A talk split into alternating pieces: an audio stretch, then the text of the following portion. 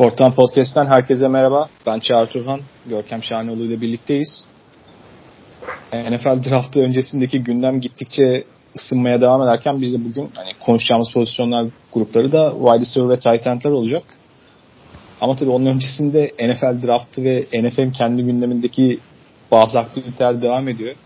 Son birkaç günün öne çıkan ilk aktivitesi herhalde Pro Day'lerdi.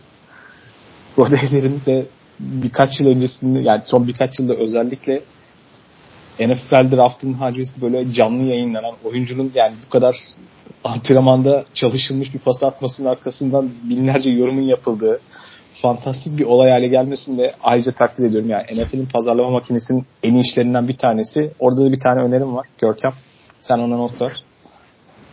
NFL Scouting Combine'ı özellikle Raiders'ın meşhur eski önemli şahsiyeti Al Davis'i çok sevmesinden dolayı Al Davis'e adlandırılması gibi bir öneri dolaşıyordu bir ara hatırlıyorum çünkü o çok seviyor diye. ben Pro Day'ler içinde Pro Day'ler içinde Wilson Pro Day olarak böyle genel bir şey gibi bizdeki bilmem ne sezonu falan gibi mevzuya dönmesi gerektiğini düşünüyorum. Yani öyle bir isimlendirilebilir bence. çok yerinde olur gerçekten. Zach Wilson'ın draft edilmesi yani o kadar yüksekten draft edilmesinin önünü açan en önemli olay Pro Day'deki performansıydı. Pro Day'in aslında Combine'dan çok daha az oyuncu hakkında bilgi veren bir etkinlik olması, buna rağmen takımların e, çok ciddi anlamlar yüklemesi bana hep saçma geliyor. Çünkü özellikle quarterbackler açısından bakacak olursak Combine'da daha önce hiç birlikte oynamadıkları receiver'larla çalışıyor quarterback'ler. Yani o pas drill'lerinde daha önce hiç oynamadığı, alışık olmadığı receiver'lara pas atıyorlar. Ama Pro Day'de tam tersi. Kendi takım arkadaşlarına, kendi antrenman tesislerinde yani hiçbir yabancı öğenin bulunmadığı bir ortamda o pasları atıyorlar. Zaten başlı başına bu e, pas drill'lerinin gerçekçiliği tartışıldığı bir ortamda yani üzerine bir baskı gelmeden o pası atmak ne kadar zor olabilir o quarterback için. Bir de üstüne üstlük e, diğer zorlayıcı etkenleri de işin içinden çıkartınca yani Pro Day performansının çok da bir e, anlamı kalmıyor bana göre. Sadece işte Combine'da koşmayan, Combine'da işte bazı drill'lere katılmayan, işte ölçümleri yapılmayan oyuncuların Pro Day'deki ölçümlerinin e, ortaya çıkması biraz e, Pro Day'i anlamlı kılıyor diyebilirim.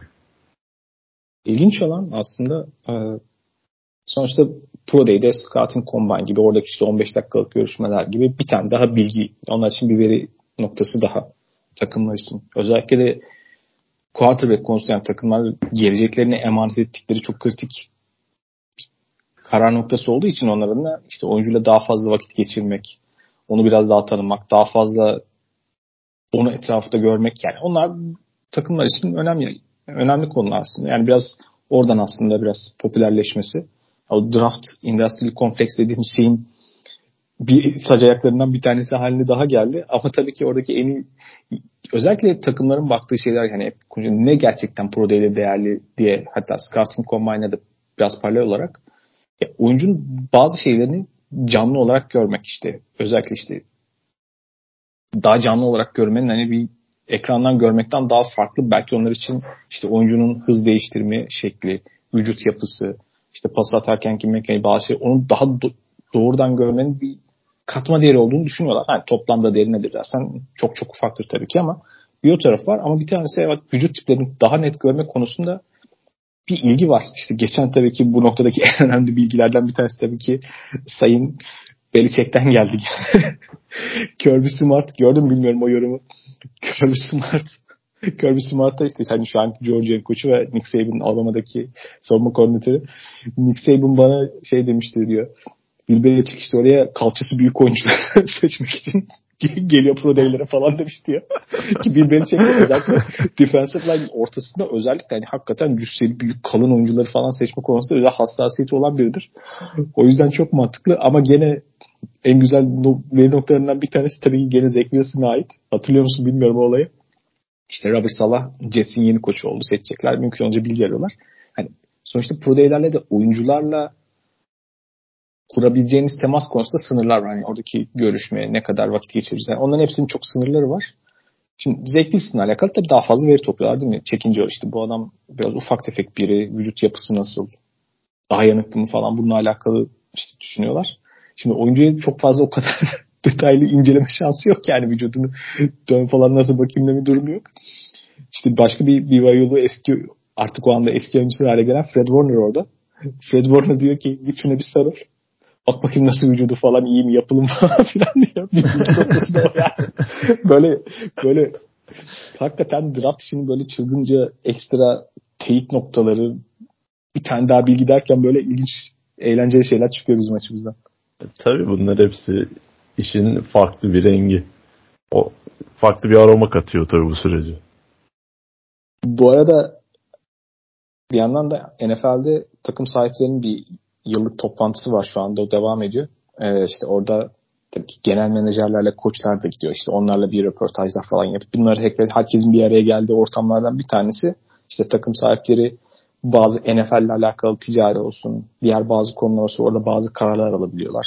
Kritik şeylerin konuşulduğu, herkesin bir arada olduğu bir yer. İşte en ilginç noktalardan bir tanesi örneğin kural değişiklikleri falan konuşuluyor.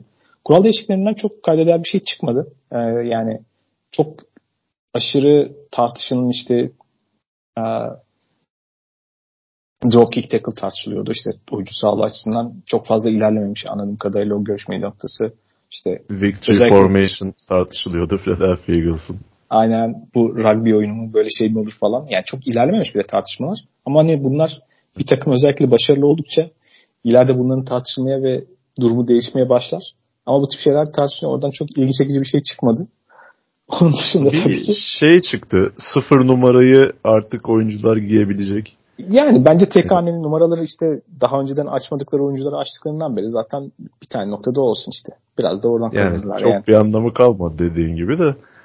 Ya özellikle bu kadar NFL gibi gelenekçi bir ligin hem o bahsettiğin işte tek haneli numaraları herkesin giyebilmesi kararını vermesi arkasından da sıfır numaranın da giyilebilir duruma gelmesi yani bunlar şaşırtıcı değişiklikler.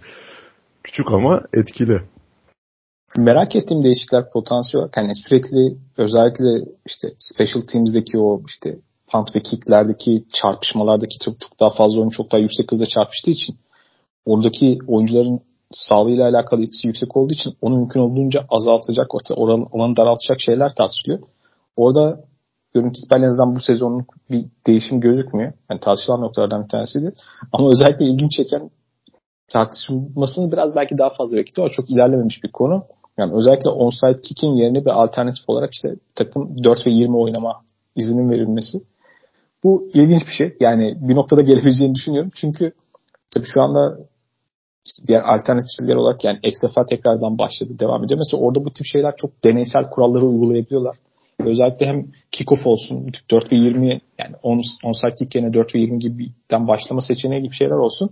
Bu tip şeyler ilginç ve orası biraz hakikaten dolaylı olarak güzel bir test ligi oluyor aslında. Ben gelecekten yakın dönemde beklediğim ilgi çekici değişiklikler onlar diyebilirim biraz açıkçası. 4 ve 20'ye bence beklediğimiz kadar taraftar çıkmayabilir takımlar arasında. Çünkü Patrick Mahomes gibi bir quarterback'e sahip olmanın ciddi bir avantajı olacak diğer işte Mahomes olmayan takımlar buna karşı çıkar muhtemelen.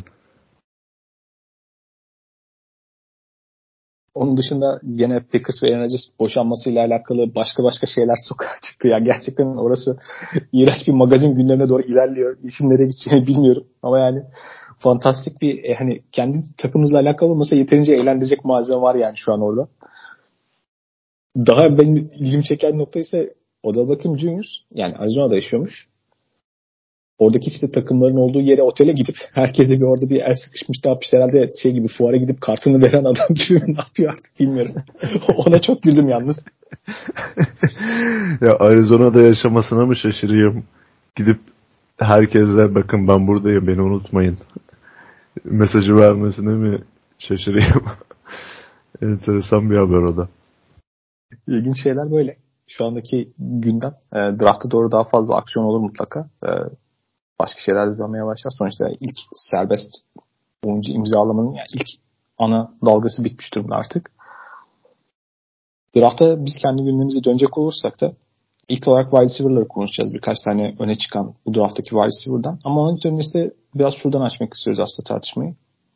Yani son yıllara baktığımızda en azından çok net görebildiğim şekilde elit diyebileceğimiz wide receiver grubunun artık bir premium pozisyon gibi çok daha kıymetli olarak görüldüğü. Bunun önemli ölçüde e, pas oyunun gittikçe artması ve hücumların daha fazla ön plana çıkması, daha fazla kullanılan hale gelmesiyle paralel olduğunu düşünüyorum mutlaka. Tabii ki buna bağlı olarak hani tüm gelişim sisteminden yani okullardan, genç takımlardan, işte kolej liginden daha fazla kaliteli wide receiver'ın da o pas oyunun daha fazla yayılmasıyla beraber çıkabilmesi bir etken.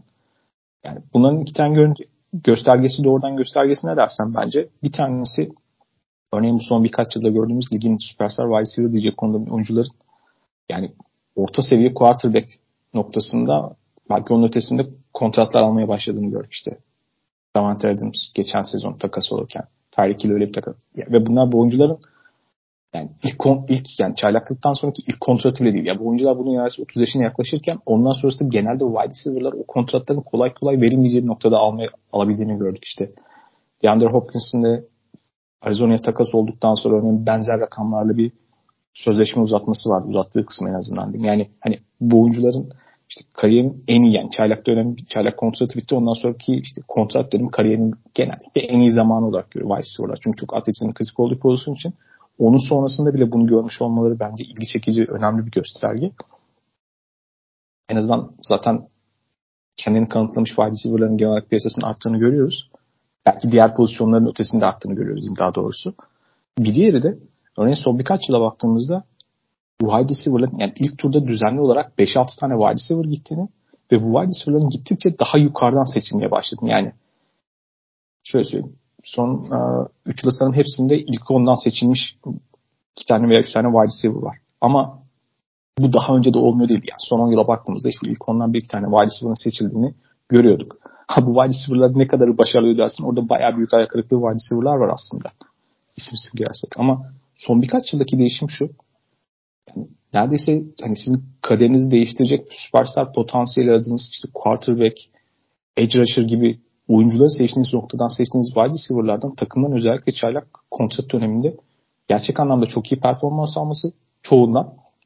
Onun dışında da ilk turdan seçilmiş pek çok oyuncunun çok iyi olduğunu çıktığını gördük yani. Hani evet, sonuçta beklentilerin altında kalan oyuncular da oldu ama işte 2020 draftını hatırlıyorum o draftta wide receiver sınıfının işte çok çok iyi oldu hep konuşuluyordu. Yani işte 10. sıradan sonra başlayan bir e, oraya hücum vardı. İşte 20'ye kadar falan bitmişti mesela oradaki 5 wide receiver'lar. Ve çoğu çok oldukça başarılı olan oyuncular çıktı orada. Mesela bir sonraki sezon o biraz daha yukarıdan gitmeye başladığını gördük 2021'de. Geçen sezon o receiver furyası işte 17-18'den bitti mesela. Ve aklıma geliyor mesela 2018 draftı değil mi? Calvin Ridley ve DJ Moore seçildi. Mesela onlar 20'lerden seçilmişlerdi.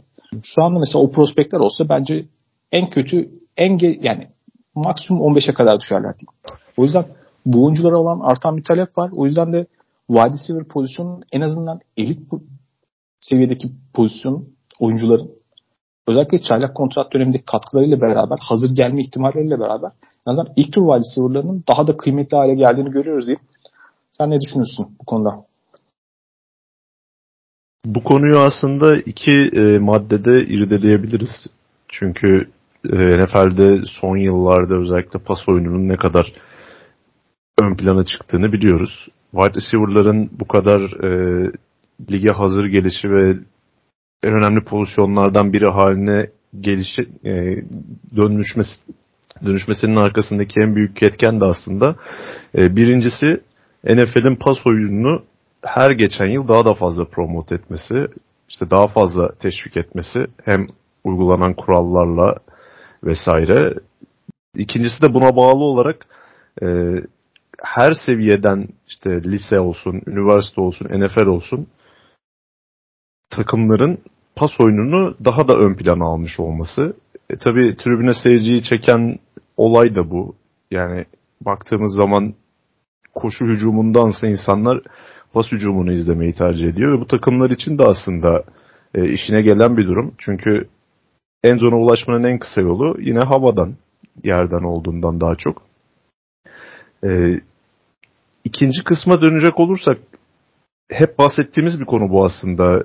E, NFL'deki oynanan oyunun kolejde artık e, çok yakın bir noktada olmasından bahsediyoruz. E, liseye döndüğümüz zaman orada da benzer bir durum var. Yani Jamar Chase'in bir açıklaması var mesela spread offense'i lisedeki ikinci yılımda öğrenmeye başladım diye. Bu önceki yıllarda çok görülecek bir durum değildi aslında. Çünkü lise oyunları daha çok koşu üzerinde, işte running back üzerinde ilerleyen sistemlerdi. Ancak günümüzde wide receiver'lar liseden itibaren aynı sistemde ya da yakın sistemde oynayarak koleje daha hazır geliyor ve kolejden de NFL'e daha hazır bir şekilde geliyorlar. Senin bahsettiğin gibi son yıllarda özellikle son 3-4 yıl içerisinde ilk turda seçilen oyunculara baktığımız zaman bast olan isimlerin sayısının da bir ayla az olduğunu görüyoruz. Bunun en büyük nedeni de aslında oyuncuların artık hiç olmadığı kadar lige hazır gelmesi wide receiver'ların. Çünkü oynanan oyunlar artık birbirine çok benzer. İki tarafta da fazlaca spread offense oynanıyor ve fazlaca e, wide receiver'ları boşa çıkartmak üzerine kurulu sistemler var. İşte aklıma bir Jalen Rager'la Nikhil Harry geliyor. İlk turda seçilip de başarısız olan son 3 ya da 4 yıl içerisinde diyeyim. Ee, NFL'in bu oyuna, e, bu duruma yaklaşımı, işte pas hücumunu teşvik etmesiyle birlikte kural değişiklikleri vesaire bunların arkasından da artık her tipte wide receiver'ın NFL'de başarılı olabileceğini görüyoruz. Yani önceden e, belli başlı kalıplara yerleştirilmişti pozisyon. İşte belli bir oyun üzerinde olmanız, belli bir kilonun üzerinde olmanız, işte NFL'deki o sertliğe e, dayanabilmeniz için oyununuzu o seviyede de oynayabilmeniz için belli bir fiziksel yeterliliğe sahip olmanız gerekiyordu. Ama artık 5 yardı geçtikten sonra hani üfleseniz bile bir savunma oyuncusu olarak o bayrağı çektiğiniz için daha e, düşük fiziksel profildeki wide receiver'ların da NFL'de başarılı olmaya başladığını gördük. Yani burada biraz bir e, güç dengesinin o skalanın kaydığından bahsedebiliriz. Bundan e, 2 ya da 3 10 yıl öncesine gittiğimizde aynı şeyleri belki koşu hücumu için söylüyorduk. Yani aslında hep şey diyoruz ya mesela running back'lerin değeri çok azaldı. Bunun nedeni işte her sene aşağıdan gelen iyi bir running back bulma ihtimaliniz var yani. Oraya alıp X bir kolejden X bir e, running back'i koysanız da aynı verimi alabiliyorsunuz bir noktaya kadar. Bunun aslında nedeni tam olarak değil. Çünkü yani NFL 50 yıldır bunu bu şekilde e, ilerletebileceğini bilmiyor muydu? Yani 50 yıldır takımlar herhangi bir running back'i alsam da koysam orada oynar eğer olay bundan ibaret olsaydı bunu elbette bileceklerdi. Ama buradaki asıl olay şu e, artık oyunlar e, koşu hücumundan ziyade hani %60 %65 oranında snaplere baktığımız zaman pas hücumunun oynandığını görüyoruz. E bu nedenle işte koşu oyunu azaldığından dolayı orada herhangi bir oyuncuyla değişi idare edebiliyorsun. Bu sefer daha kaliteli wide receiver'lar bulma ihtiyacı oluştu. Eskiden tam tersi running back için geçerliydi. O nedenle e, pozisyonun daha fazla değerlendiğini ve seçimlerin işte verilen kontratların daha çok e, bu oyuncular üzerinde ilerlediğini görüyoruz. Çünkü bir pas hücumunu düşündüğünüz zaman oyunun en değerli parçası quarterback ise mantıken en değerli ikinci parçasının da wide receiver olması gerekiyor. Çünkü bu pasları alan o, o oyuncular. Yani bunların hepsinin bir araya gelip son yıllarda daha da fazla lige yansıdığını söyleyebilirim. Örneğin ideal bir wide receiver resmi çizmeye başladığımızda her zaman orada biraz iyi bir örnek olarak, biraz da uçta bir örnek olarak ve benim de gördüğüm en fantastik isimlerden biri olarak mesela Julio Jones ismi geçerdim yani sonuçta. Adam sanki şey gibi bir karakterdi. Böyle Madden'a girmişsin kendi özelliklerinin hepsini 99 yapmışsın gibi bir şeydi yani. Neredeyse bütün kriterleri böyle tam yani olacak en iyi seviyeye yakın şekilde dolduran bir oyuncuydu. Ve ideal wide receiver profilde bence biraz hani hepsinden en azından belli bir seviyede kriterleri sağlamasıydı.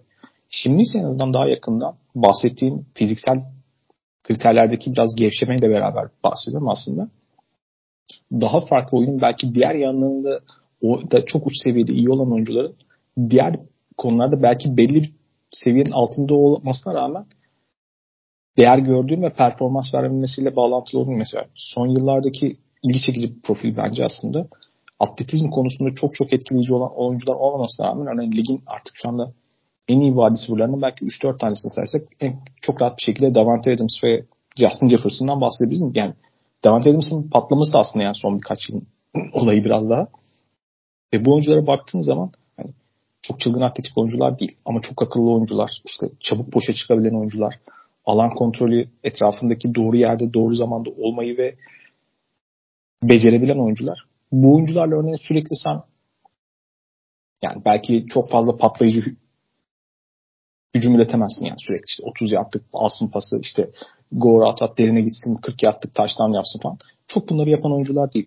Ama sürekli olarak o çok daha sık bir şekilde pas yapılan oyunda sürekli olarak işte ilk tur hakkını alan, size hücumun sürekli sahada kalmasını sağlayan ve aslında sizin hücumunuzun sürdürülebilirliğini kullanan bir yandan da daha fazla tabii ki dikkat çektiği için savunma anlamında geri kalan pek çok şeyi açan, işte çabuk açığa çıkabildiği için belki offensive line'ınızdaki bazı eksikleri biraz daha aslında kompanse de edebilen oyuncular haline geldi ve bu oyuncular aslında eskiden bu kadar belki kıymetli değildi. Atletizm olarak çok etkileyici olmayan oyuncular. Ama bence şu oyuncu, bu, bu tip oyuncuların da biraz değeri artmış oldu aslında pas oyunundaki sadece pas oyunun önemli bir parçası olarak da aslında bir e, ayağı olarak da pas sıklığının da çok fazla artmasıyla beraber ben onun ilgi çekici şeylerden bir tanesi olduğunu düşünüyorum. Aslında yani ideal wide receiver konusuna geldiğimiz zaman hani takımların baktığında bence son yılların trendlerinden bir tanesi de bu olacak. Örneğin tabii ki her takımın ve pozisyon yani bir de receiver yani pozisyon grubundan bahsediyoruz yani. Çok özelleşmenin ötesinde. Yani dışarıda oynayan var, slotu var, işte derin tehdit olanı var. Hız da artık biraz daha ön plana çıkan bir şey oldu son yıllarda. Yani bunların hepsine göre farklı kriterde farklı rolleri tamamlayan oyuncular var. Ama ideal wide receiver bir profil dediğimiz oyuncunun bence bu gibi örneklerle beraber tabii elbette ki yani yakın dönemdeki olan bir recency bias durumu da var elbette bunun içerisinde ama bence biraz daha bu tip oyuncuların daha kıymetinin daha fazla arttığı ve en azından daha kıymetli görüldüğü bir döneme de girdik gibi geliyor. Ee, eskisine kıyasla en azından işte topu şu da bir faktör yani bu oyuncular bir noktadayken örneğin farklı sistemlerden bir tanesi şu anda işte çok popüler olan sistemler işte Paşene'nin sistemi. Şu an ligin yarısı neredeyse oynuyor. Mesela onun aradığı oyuncu profilde fiziksel olan işte topu eline aldıktan sonra topla beraber pas, pas aldıktan sonra mesafe kat edebilen çok fiziksel oyuncular, hızlı oyuncular mesela. Bunlar da farklı oyuncular. Bunlara da böyle bir talep oldu bir dönem ama her takım Kayseri'ninki gibi performans veremediler bu oyuncular. Ama biraz farklı tip oyuncuların farklı takımlarca biraz daha farklı kıymette olması da bir faktör. Ama ben hani biraz böyle bir değişim de hissediyorum açıkçası. Yani eskisine kıyasla bahsettiğim gibi yani örneğin bu draftta ilginç gördüğüm noktalardan bir tanesi e, örneğin son 20 yıldaki Combine'de 173 pound'un yaklaşık 77 kilo oluyorsam 77-78 kilo oluyorsam altında Combine'a gelen toplam 20 oyuncu varmış. Sadece bu draft sınıfında örneğin 5 oyuncu var. Bunların bir iki tanesi de bayağı ön plana çıkan oyunculardan örneğin bahsediyoruz ve hani bunların arasında başarılı olanlar var mı dersen yani onlar da görece işte son yıllarda belki başarılı olduğu denebilecek oyuncu. İşte tabii ki bir tanesi Devonta Smith. Zaten yakın dönemde draft edildi. Başarılı mıdır değil midir. Hollywood Brown var yakın dönemde geldi. İşte hani onun dışında da işte tamamlayıcı wide receiver diyebiliriz. İşte Isaac McKenzie, Calvin Tutatval gibi oyuncular falan da var bunun içinde aslında. Gene hep yakın dönemde olan hani değişimin aslında bir sembolü gibi bir şey bu fiziksel kriterlerin biraz genişlemesi. Bilmiyorum sen ideal bir wide receiver profili çizmeye başlasan nereden başlarsın? İdeal bir wide receiver için fikir birliği oluşturmak, fikir birliği oluşturmak çok kolay bir şey değil. Yani bahsettiğin gibi çok farklı roller var wide receiver pozisyonunun kendi içerisinde. Bunun için öncelikle wide receiver pozisyonunu daha iyi bir şekilde anlamak lazım. Yani klasik yoldan gidecek olursak işte bir hücumda üç farklı wide receiver'dan bahsetmek mümkün. İşte bunlar X receiver, Y receiver ve Z receiver'lar. Yani Y'yi direkt e, tight end olarak tanımlayabiliriz. O yüzden onu bir kenara koyalım. X receiver'ın geleneksel olarak e, takımların X receiver'dan beklentileri nedir? Fiziksel bir oyuncu olması yani belli bir boy uzunluğunun üzerinde olmuş. Yani en azından bir 90'ın üzerinde olması ve hani 85-90 kilonun da üzerinde olması gerekiyor. Çünkü e, X dediğimiz pozisyon split end olarak e, formasyonun en uç köşesinde scrimmage line'da dizilen Ve genelde isolated receiver dediğimiz yani onu e, birebir bıraktıkları receiver pozisyonu tight end'in ters köşesinde oluyor yani doğal olarak zayıf kanadında oluyor takımın. İşte bu oyuncunun press coverage'a karşı hayatta kalabilmesi, işte scrimmage line'da o release noktasında çabuk savunmacısından sıyrılabilmesi gibi özellikleri olması lazım. E, Z receiver'ına döndüğümüz zaman ise o scrimmage line'ın daha gerisinde dizilen işte en önemli özelliğin hızı ve derin sahada oluşturabileceği tehdit olan ve scrimmage line'da dizilmemesinin verdiği e, yetkiyle diyeyim daha çok motionlarda kullanılan ve hareketli halde release ettirebileceğiniz daha çok böyle işte el avucu sığmayan çabuk oyuncu profili bir oyuncu aklımıza gelebilir. Yani bu kalıplara göre aslında oyuncuları değerlendirmek lazım ve o hücumun neye ihtiyacı varsa aslında ideal receiver onlar için odur. Tabi son yıllarda 3 receiver'lı setlerin daha yaygın bir hale gelmesiyle birlikte slot receiver da artık çok önemli bir e, yer edinmeye başladı. Hatta bazı takımlar slot receiver pozisyonunda işte tight endleri daha çok pas yakalama yetenekleri gelişmiş olan tight endleri de kullanmaya başladılar. Yani nasıl e, geçen hafta konuştuğumuz gibi ideal bir quarterback'in resmini çizemiyorsak yani ideal bir quarterback'i değerlendirmenin kriterlerini belirleyemiyorsak ideal bir wide receiver için de %100 şu özellikler olması gerekiyor diyemeyiz. Ama son yılların trendine bakacak olursak özellikle NFL'de gördüğümüz e, gidişata göre konuşmam gerekirse NCAA'nin saygın wide receiver koçlarından Dennis Simmons, Lincoln Riley'nin wide receiver koçu. Onun bir tane sözü var. E, sıradan receiver'lar topu sadece yakalarlar. Elit receiver'lar yakaladıktan sonra alacağı maksimumu alan receiver'lardır. Bu e, ligin son yıllarda daha fazla değer vermeye başladığı şey olmaya doğru ilerliyor. Çünkü işte bahsediyoruz savunmalarında artık e, derin sahayı kapatmaya başlaması, daha çok hücumları e, kısa paslara yönlendirmesi. E, bunların bir getirisi olarak da takımların artık e, topu yakaladıktan sonra ekstra yardları takımına kazandırabilecek tarzdaki receiver'ları daha çok tercih etmesine sebebiyet verecek gibi duruyor. Yani bu sınıfta da bunu yapabilecek birkaç tane bazı iyi oyuncu var.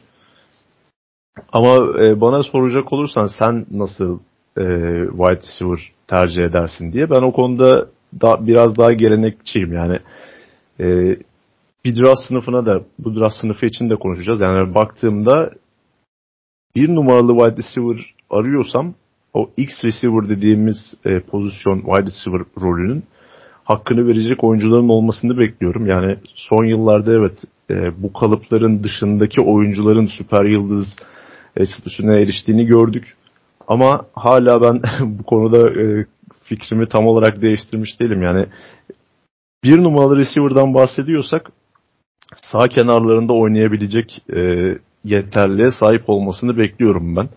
Çünkü sadece slotta oynatabileceğiniz bir wide receiver'ı sahanın belli bölgeleriyle kısıtlamış oluyorsunuz. Yani bir numaralı receiver'ın her şeyi yapabilecek yetkinlikte bir oyuncu olması lazım. Bu arada hani birazdan bazı oyuncuları konuşurken üzerine geliriz yani. Tabii ki yaklaşımlardan bir tanesi takımların nasıl değerlerine yani bazı takımlar atletik olarak yani ham oyuncu olmasını ve ben o atletizmi olan fiziksel oyuncuları bir şekilde hani işte geri kalan oyun inceliklerini işte rota koşmayı, detaylarını vesaire öğretirim ve daha tavanı yüksek bir oyuncu olduğu bir tercih. Hani bahsettiğimiz özellikle yak konusunda ya karşılayan sistemi gittikçe yayıldığından beri böyle bu tip wide receiver'ların daha da fazla böyle talep gördüğünü görmeye başladık ligde. Diğer tarafta da ama bazı geleneksel olarak da hani biraz daha komple ve aslında işte daha rota koşan, daha çabuk kendini boşa çıkaran oyuncuların başka türlü değerlendiren takımlar var. Ee, bu wide sınavında yalnız dikkatimi çeken noktalardan bir tanesi hani bahsettiğim biraz önceki örnekle beraber genel olarak hani hakikaten size olarak biraz daha ufak bir grup. Yani çok fazla e, boy olarak falan biraz daha kısa kalan oyuncu en azından en üst seviyede öne çıkan oyuncular böyle daha kısa, daha fazla slot potansiyeli, daha slot için daha uygun görülen oyuncuların daha fazla öne çıktığını görüyoruz. O bence bu draft sınıfı için ilginç noktalardan bir tanesi ki muhtemelen draft sınıfının yani bir numaralı oyuncusu da o profil yani. Jackson Smith Njigba'dan başlarız herhalde. Aynen öyle. Zaten bu draft sınıfının önceki 2-3 hatta belki 4 wide receiver sınıfına kıyasla daha geride gözükmesinin en önemli nedeni bu bahsettiğin durum. Yani bir numaralı bir numaralı wide receiver potansiyeli vadeden oyuncu sayısı bir aylı az. Ve sınıftaki en iyi wide receiver'ların profiline baktığımız zaman da çoğu sadece slot e, projeksiyonuna sahip oyuncular gibi duruyor. E, hal böyle olunca insanlar da çok fazla heyecanlanamadılar tabii ki. E, Jackson Smith Njigba'dan başlamak gerekirse yani Ohio State kariyerinin çok büyük kısmını sadece slotta oynayarak geçirmiş bir oyuncu ve zaten e, oyun özellikleri ve fiziksel özelliklerine de baktığımız zaman en iyi e, onun için ideal pozisyonun burası olduğunu görüyoruz. Oyuncuyla alakalı en önemli eleştiri noktası işte uzun rotalardaki hızı patlayıcılığı, derin sahaya inme kabiliyeti vesaireydi. Ve Combine'daki 40 yard koşu süresi ciddi bir merak konusuydu. E, mantıklı olanı yaptı ve Combine'da koşmadı değerini korumak açısından. Ohio State Pro Day'inde 4.52 saniyede koştu yanılmıyorsam. Yani aşağı yukarı gözlemcilerin Smith Njigba'dan beklediği bir süreydi bu. Yani ne çok beklentinin üzerine çıkmış oldu ne de çok kendine zarar vermiş oldu bu koşu süresiyle. Ama onun asıl oyununun underneath rotalardaki e, etkinliği, alan savunmasına karşı e, üst düzey bir wide receiver olması, işte o quarterback ile koordinasyonu kurma noktasında özel bir oyuncu olmasından kaynaklı olduğunu zaten biliyoruz. İşte %88 oranında slotta e, dizilen bir oyuncu ve e, bir veya iki wide receiver'ın sahada olduğu setlerde sadece 6 tane rota koşmuş. Yani genelde 3 wide receiver'lı setlerde slot receiver olarak oynayan bir oyuncuydu Jackson Smith Njigba. Ee, geçtiğimiz sezon hamstring sakatlığından dolayı çok az oynayabilmiş olması değerini bir aylı düşürmüştü. Hatta takımlarında bayağı şüpheyle baktığı bir oyuncu haline dönüştü. Onun yokluğunda işte Marvin Harrison Jr.'ın gösterdiği e, muhteşem performansı, Ohio State pas hücumunun hiçbir şey kaybetmemesi, işte Jackson Smith Njigba'nın değerini biraz daha sorgulatan durumlar oldu. Ama o Rose Bowl'daki bir sezon önceki Rose Bowl'daki muhteşem performansı işte Garrett Wilson ve Chris Olave o maçta oynamamışlar drafta girecekleri için. 347 yard ve 3 touchdown ee, yanılmıyorsam son böyle bir 50-60 yıllık dönemde bir maçta en fazla pas yardı bu Jackson Smith Njigma'nın bu maçta elde ettiği. Yani çok e, önemli bir potansiyel ama yani dediğim gibi saha kenarlarında oynayabilecek e, özelliklere sahip olmaması yani oyuncunun en önemli özelliği kısa mesafelerdeki çabukluğu, işte o ani hareketleri, yön değiştirebilme kabiliyeti, kendini alan savunmasına karşı özellikle boşa atabilme yeteneği. Tüm bunlar onu sadece e, slot oyuncusu olarak kısıtlayabilir gibi geliyor NFL'de. Ama e, slotta oynayarak da işte Julian Edelman gibi, işte başka Wes Walker gibi önemli bir kariyer elde edebilirsiniz. Ama işte takımlar buna ne kadar değer verecek o önemli olacak. Jackson Smith Njigba için. İlgimi çeken noktalardan bir tanesi şu oldu. E, Smith Njiga'yı izlerken sonra hani boyuna baktım 6 feet diyor falan 1.85. Sahada gördüğüm oyuncunun böyle 1.75 falan olduğunu falan yemin edebilirim. Hani hiç göstermiyor yani. Boy, hani bazı oyuncular fiziksel olarak hani bakarsın evet ya bu böyle olabilir dersin ama fiziksel olarak sahada görüntüsü süper. İşte bazı oyuncular işte boyunun fiziğinin ötesinde oynar derler ya. Onun dışında bir profil yani. İlginç o açıdan mesela dikkatimi çekti ki genelde yani bu draft sınıfında herhalde yani 1.80 zaten üzerinde çok fazla önemli oyuncu yok yani. Bu ilginç mesela. Çok fazla slottan oynaması.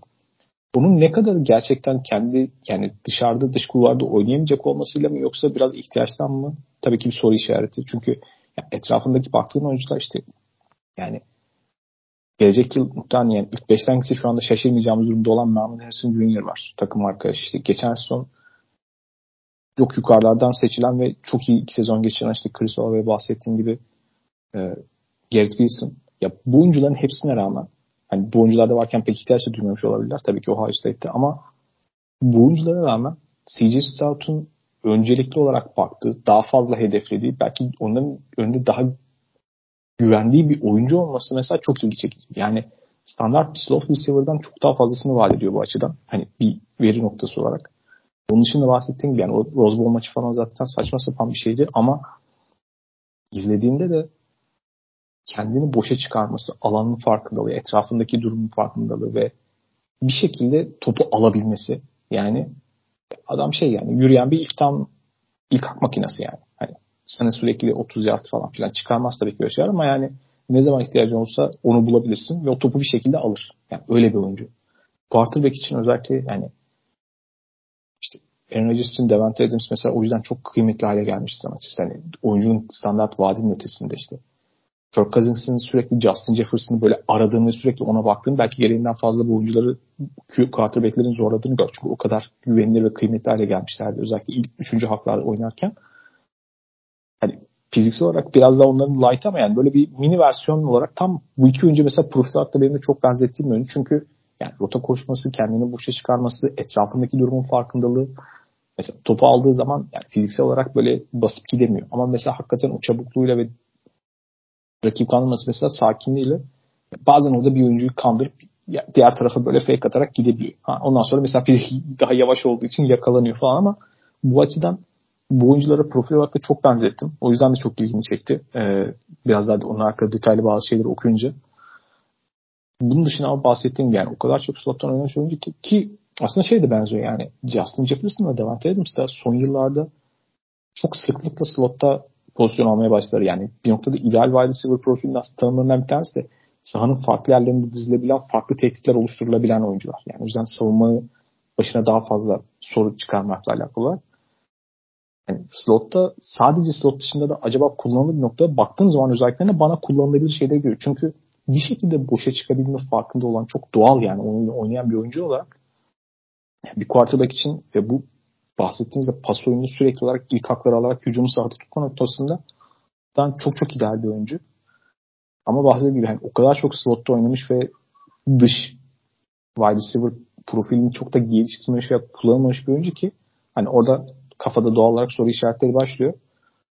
Ama yani çok çok ilgi çekici bir case olduğunu söyleyebilirim ben de kendi adıma ve eminim alan takımlar için de eğer hani tabii ki geçen yıl neredeyse tamamını sakatlıktan dolayı oynaması önemli soru işareti ama yani şu anda alıp ki geçen sezonki yani Garrett Wilson ve Chris Olave'nin de performansına baktığımız zaman herhalde en garanti seçeneklerden bir tanesi yani. Ohio State'ten wide receiver görüyorsanız genelde kaçırmamanız lazım. Yani quarterbackler için aynı şeyi söyleyemesek de gerçi CJ Stroud'un o laneti bu sezon kırmasını bekliyorum ben şahsen ama yani geleneksel olarak Ohio State wide receiver'ları çoğu zaman NFL'de başarılı olmuştur. Zaten yanılmıyorsam son işte hatta kolej tarihinde lige en fazla wide receiver gönderen ikinci okuldu en son Ohio State. Belki son bir iki senede Ohio şey e, USC'yi geçmiş olabilir bu bağlamda da. Yani fabrikaya dönmüş durumdalar gerçekten. Her sene en az 2-3 tane çok iyi e, wide receiver'a sahipler. Hatta e, Chris Fleming'ti yanılmıyorsam ismi. 2-3 yıl öncesinin bir numaralı wide receiver recruit'i Ohio State'te şu an hala oynamakta zorlanıyor. Yani bu oyuncuların hepsinin gerisinde kalmıştı. Öyle bir ortamdan bahsediyoruz. Ya tabii Jackson Smith Enjigba'yı kenarlarda da kullanabilirsin ama işte o oyundaki kenar receiver'ına çizilmiş rota 10 yardı hani maksimum 12-13 yardı geçmeme koşuluyla. Çünkü yani çok hızlı bir oyuncu değil. Savunmanın arkasına çabuk bir şekilde sarkabilecek özelliklere sahip değil. Yani belki kariyerinin ilerleyen noktalarında hani o e, savunmacısını aldatma konusunda tecrübelenmeye başladıkça yani işte birebir dağıtıyorum hızını kullanmaktan ziyade o çabuklukla birden savunmacını ekarte edebileceği pozisyonlarda iş yapabilir. Ama bahsettiğim gibi yani arkadan gelip yakalanma potansiyeli çok yüksek olan bir oyuncu. Ama artık NFL'de e, sadece wide receiver birler çok ciddi kontrat almıyor ya da wide receiver birler çok önemli değil. Yani Cincinnati Bengals'ta bunu çok net bir şekilde görmüştük. Artık çoğu takım için böyle bu. Yani quarterback'iniz Patrick Mahomes değilse gerçekten böyle. E, ikinci wide receiver'ınız kadar iyi bir hücum takımı oluyorsunuz. Yani Jackson Smith Njigba ligin en iyi ikinci receiver'larından birisi olsa bile onu draft eden takım çok üzülmeyecektir. O nedenle yani artık wide receiver değerlerine farklı bir pencereden de bakmak gerekiyor. Beğendim. Yani soru işaretlerinden bir tanesi çok fazla slotta oynayan bir oyuncu olarak tabii ki her fiziksel olarak biraz daha geri planda olan oyuncular için hep merak konusu şeydir yani. Daha kuvvetli oyuncularla karşı karşıya geldi. Press coverage görünce ne yapacak? Ben o konuda hani nacizane izlediğimde çok sesli görünmedim. Ama tabii ki dış kuvara attığın zaman daha başka türde oyuncularla karşı karşıya geleceksin. Mesela o bir soru işareti. Bence bu sıra draft sırasındaki pek çok öne çıkan oyuncu için soru işareti olan bir konu. Bir diğer ama çok beğendiğim nokta. Oyuncu için özellikle receiver'lar için hani daha doğal olarak topu yakalama noktasında bahsedilen şu konu var ya işte eliyle mi yakalıyor yoksa vücuduyla mı yakalıyor topu? Yani eliyle yakalayan bir oyuncunun olması ötesinde topu böyle havadan alan işte bir poftaya diye bir tabir var ya özellikle. Topu havadayken doğru noktada alıp gidebilen veya doğru noktada topu çeken yani rakibi gelmeden o mesafeyi işte kendini savunmacısından bazen ayırarak topun olacağı noktayla beraber yani topu tutma noktasında belki fiziksel olarak değil ama elini kullanması ve vücudunu kullanması aynı zamanda o dar alanın farkındalığıyla beraber hani savunması hakikaten kısa ve orta mesafede böyle bayağı kabus olabilecek bir oyuncu. O açıdan da kendimi beğendiğimi söyleyebilirim. Ee, nereye gideceğini gerçekten merak ediyorum ama yani gittiği yerde özellikle şu anda iyi bir hücum takımının parçası olma noktasında hem quarterback dostu bir oyuncu profili olması hem de belki her takım için değil ama yani iyi quarterbacklerle beraber yani bir takımı çok hızlı bir şekilde hazır bir şekilde katkı vererek böyle o takımı çok yukarıya taşıyabilme potansiyelini görüyorum kendi adıma diyeyim.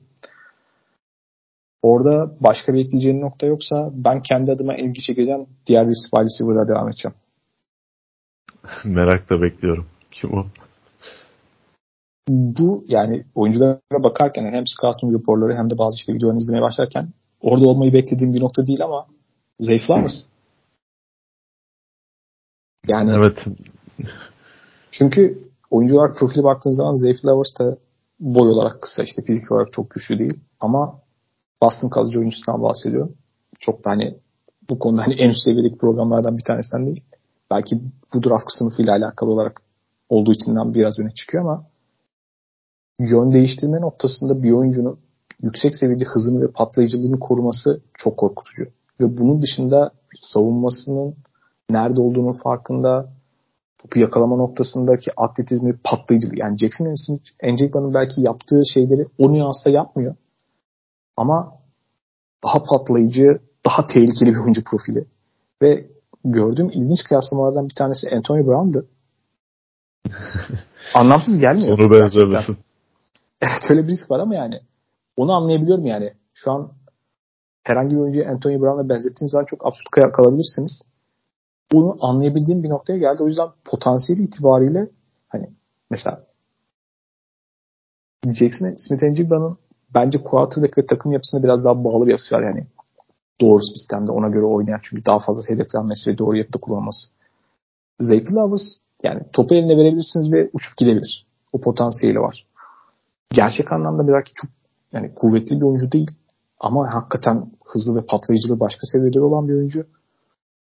Neredeyse her takıma koy orada iş yapacak noktada ve hani slotta oynayabilecek tabii ki dış kulvarda da oynayabilecek potansiyeli var. Yani o yüzden mesela çok fiziksel olarak işte bahsettiğimiz bir 85 bir 90'lar falan olmasa da boy olarak. O yüzden ben hani özellikle drafttaki öne çıkan wide bakmaya başlarken çok beklemiyordum onu ama en ilgimi çeken oyuncunun olduğunu söyleyebilirim kendi adıma. Bu az önce bahsettiğin konuyla alakalı güzel bir istatistik görmüştüm. Bu draft sınıfının işte önde gelen 5-6 receiver'ı arasında en fazla işte ISO receiver olarak dizilen oyuncular sonuç çok enteresan gerçekten. Yani az önce bahsettiğim X receiver olarak formasyonun bir tarafında tek başına izole edilmiş bir şekilde dizilen oyunculara baktığımızda Zay Flowers bu şekilde 99 tane rota koşmuş bu sezon ve bu oyuncular arasında bir numarada yani rota başına koştuğu e, rakam Jordan Addison'ın biraz gerisinde ama en fazla bu aksiyonlarda bulan oyuncu Zay Flowers. Fiziksel olarak dezavantajlı bir oyuncu olmasına rağmen e, kenarlarda bu kadar oynayan ve tecrübesi olan ve başarılı da olabilen bir oyuncu olması gerçekten onu farklı bir noktaya koyuyor. Antonio Brown kıyaslamalarını, benzetmelerini ben de gördüm. E, oyununun birçok özelliğinde benzer esintiler görmek de mümkün tabii ki. İşte öncelikle oldukça patlayıcı bir oyuncu. Yani baktığımız zaman Combine'daki e, 40 yard süresi çok etkileyici değil. Yani çok daha iyisini bekliyordum ben ama yani düz bir çizgide koşmakla topu eline aldıktan sonra o patlayıcı e, gücü göstermek farklı şeyler tabii ki birbirinden. Çok farklı e, aksiyonlarda da kullanabileceğiniz bir oyuncu aslında. Ki zaten Boston College kariyerinde de işte hem içeride hem dışarıda e, hem kısa rotalarda hem derin rotalarda çok farklı aksiyonlarda kullanılan bir oyuncuydu. E, o patlayıcılığından dolayı derin sahada etkili bir oyuncuya dönüşme ihtimali var NFL seviyesinde. Yani çoğu zaman derin saha için en önemli özelliğin çok hızlı olmak olduğu düşünülür ama tam tersi aslında bana göre daha da önemli olan topu havadayken takip edebilme, topun nerede olduğunu bilme, işte savunmacıyı sezebilme yeteneği. Zay Flowers'ta bunlar e, oldukça gelişmiş durumda. Ancak e, düşündüren bir nokta kollarının e, kısa olması. Çünkü e, profil itibariyle biraz daha böyle işte Devante Smith'i andırır. Gerçi onun kadar e, zayıf bir oyuncu olduğunu düşünmüyorum ben ama yani fiziksel dezavantaj dendiği zaman en yakın örnek olarak aklımıza Devante Smith geliyor. Yani bu sınıfta da bolca bu tarz oyuncuları konuşacağız. Ama işte Zay Flowers'ın Devante Smith'te kıyasla bir eksi özelliği Devante Smith'ten çok daha kısa kollara sahip olması. Yani bu o derin sahadaki etkinliğini e, bir derece düşürmesine neden olabilir. Çünkü NFL'de daha e, gelişmiş atletlere karşı forma giyeceksiniz. Savunmada işte safety'ler olsun, e, cornerback'ler olsun. E, Boston College'la da ACC'de oynuyordu yani. Oradaki e, rekabet ne kadar tercüme edebilir NFL'e o konuda biraz şüphelerim var. Onun dışında bir de e, ufak tefek bir oyuncu olmasından dolayı işte adam adama savunmalarda o press coverage'a karşı ne kadar ayakta kalabileceği biraz soru işareti. Ama onun dışında e, Zay Flowers bu sınıfta diğer e, oyunculara göre çok daha fazla çok yönlülük e, sunabilen bir oyuncu bana kalırsa. E, şansınızı denemeniz gereken bir oyuncu olarak görüyorum. E, bu sezona kadar orta turlarda e, tahmin edilen bir oyuncuydu. Ancak yine çok iyi bir yıl geçirdi ve kendini işte ilk turda da görmemiz mümkün. Yani ilk turun sonları ve ikinci turun ortalarına kadar seçilmiş olmasını bekliyorum ben.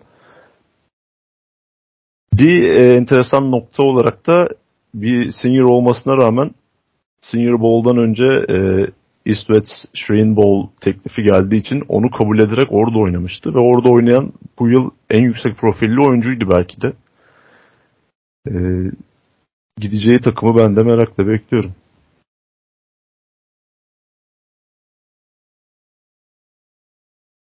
Benzer aslında profil olarak yani örneğin bahsettiğim Devante Smith benzetmesi ona daha fazla benzetilen gördüğüm oyuncu ise mesela benim Jordan Edison ki Jordan Edison işte önceki sezon Pittsburgh'teydi. Kenny Pickett'la beraber oynadı. İşte orada en iyi wide receiver'a verilen Biletnikov ödülünü aldı.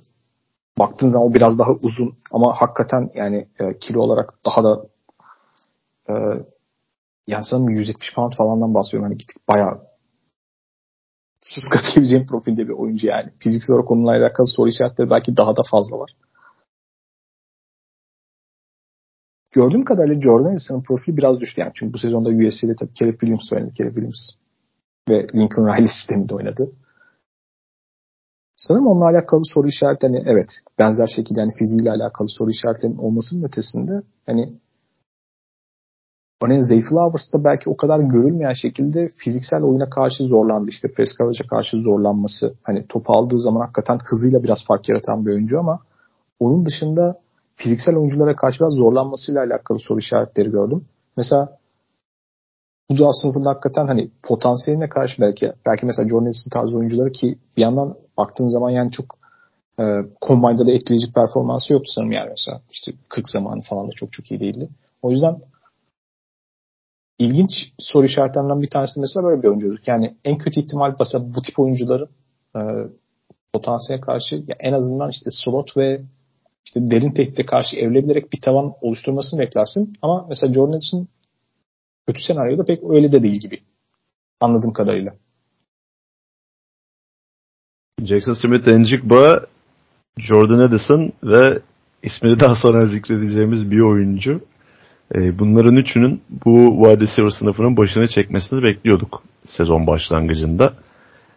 Yani geldiğimiz noktada Njigba ve Jordan Edison hala o noktalarda olsa da önceki kadar emin değiliz onlar hakkında da. Yani Jordan Edison'ın o bahsettiğim Pittsburgh'te e, USC'ye transfer olmadan bir sezon önce oynadığı oyun gerçekten e, son yılların kolejdeki en etkileyici wide receiver performanslarından birisiydi.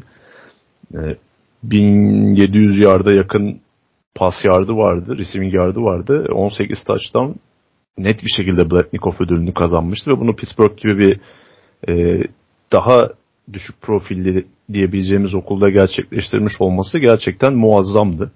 İşte devamında hem Kenny Pickett'ın NFL'e draft olması hem de quarterback koçu ve ofansif koordinatörün değişmesinin ardından o da transfer olmak istediğini e, bildirerek transfer portalına girmişti ve ülkedeki her takımın peşinde koştuğu bir oyuncu haline dönüşmüştü. Yani Alabama'ya transfer olmasını ben de çok istiyordum açıkçası. Alabama da o takımlardan birisiydi. Çünkü işte hem Metchie hem Jameson Williams takımdan ayrılmıştı. USC'yi tercih etti. Daha iyi koçlarla çalışmak istediğini söyleyerek. İşte hem az önce bahsettiğim Dennis Simmons hem Lincoln Riley e, önemli koçlar ve tabii ki Caleb Williams'ın da orada olması büyük bir faktördü ama benzer bir performansı göremedik. Yani illaki bir düşüş olacaktı çünkü çok e, özel bir sezondu o Blatnikov ödülünü kazandığı sezon. Ona bir daha yaklaşmasını beklemiyordum ama yani USC'de ortaya koyduğu rakamlar biraz ayak kırıklığı yarattı açıkçası.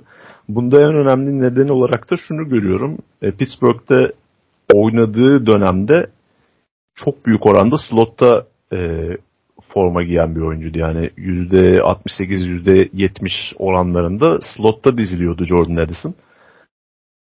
USC'ye geçtiğinde ise Lincoln Riley onu %70, e, %80 oranlarında kenar receiver olarak kullanmaya başladı. Kendisi için de yeni bir e, deneyim oldu bu açıkçası. Biraz bununla da alakalı olabilir düşen istatistikleri. Çünkü yani tabii kolej seviyesinde çok dramatik fark etmemekle birlikte bu tarz e, zayıf oyuncuların alışık olmadığı bir kenar wide receiver pozisyonunda oynaması biraz bocalamalarına neden olabiliyor.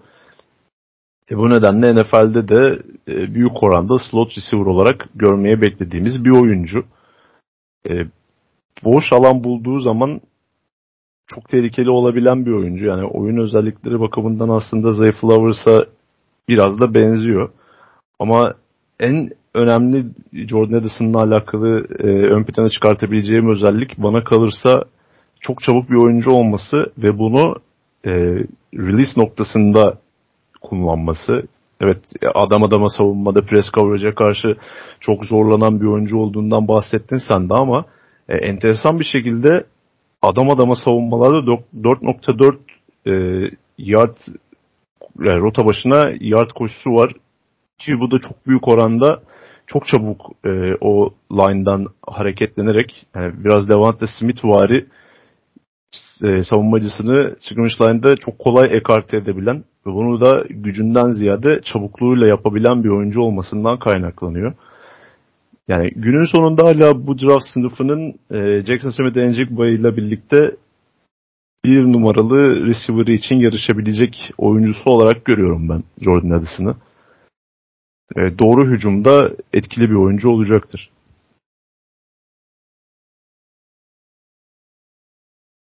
bu draft sınıfında yani sanırım sezon kolej sezonun ortası gibi işte mock draftlar falan ilk başladığında falan wide receiver bir de çıkan oyuncu mesela Quentin Johnson'dı TCU'dan. Sonra tabii kolej, kolejde finalde oynadıkları için playoff'ta biraz daha belki piyasası yükselir diye bekleniyordu. Ama mesela son işte tabii o zaman daha göz önüne çıktığı için özellikle işte konferans finali sonrasında işte kolej playoff'ları. Mesela orada çok etkileyici görünen bir oyuncu haline gelmedi. Tabii biraz TCU'nun kendi oynadığı sistem, oyun tarzıyla falan da alakalı. Aslında baktığın zaman diğer wide yani geleneksel bir wide receiver, bir dışarıda oynayan oyuncu profilinde hani fiziksel olarak da potansiyel itibariyle en uygun oyunculardan bir tanesi. Görüntü itibariyle şu. Biraz bu tip oyuncularda şey vardır yani işte patlayıcılığı yüksek, atletizmi yüksek, işte %50 topları yakalama noktasında çok iyi. Zaman zaman hakikaten patlayıcılık anlamda çok etkileyici şeyler yapıyor. Yani sanırım yarı finalde Michigan maçındaydı. Yani bir tane topu alıp böyle hani 50-60 yard gitti yani hani o saf evet. hani atletizm falan o, olayıydı yani mesela maç olarak ki bunun gibi şeyler yapabiliyor. Eminim onun bu özelliklerinden çok etkilenerek ve özellikle tarz olarak da isteyecek takımlar vardır. Ama tabii ki biraz tavanıyla taban arasında fark olan ve başka şeylerde mesela şu an ne kadar kullanabileceğinizin tabii dair yani çok yönlü olma konusunda soru işaretleri barındıran bir isim. Bu isimler biraz şeydir mesela e, atletik skorlarına falan da baktığım zaman yani özellikle hani hız noktası özellikle de biraz çeviklik ve yatay hız noktasında örneğin bahsettiğimiz işte Simtenjibo mesela ne kadar etkileyiciyse o biraz geri planda kalan noktası. Yani bu tip oyuncuların da böyle en uç örneği olarak aslında hep DK Metcalf'ı verebiliriz. Yani onun combine performansı biraz sıkıntı olmuştu o noktada yani. Çünkü çeviklikle ve çabuk yön değiştirmeyle alakalı olan noktalarda.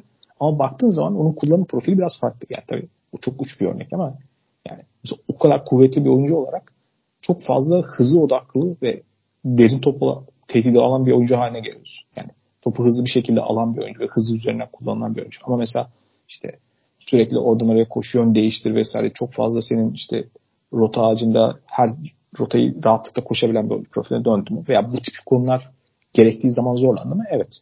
O yüzden bu tip oyuncuların hani kullanım şekli biraz daha kritik hale geldiğini düşündüğüm bir profil. Bilmiyorum sen ne düşünüyorsun Quentin Johnson hakkında?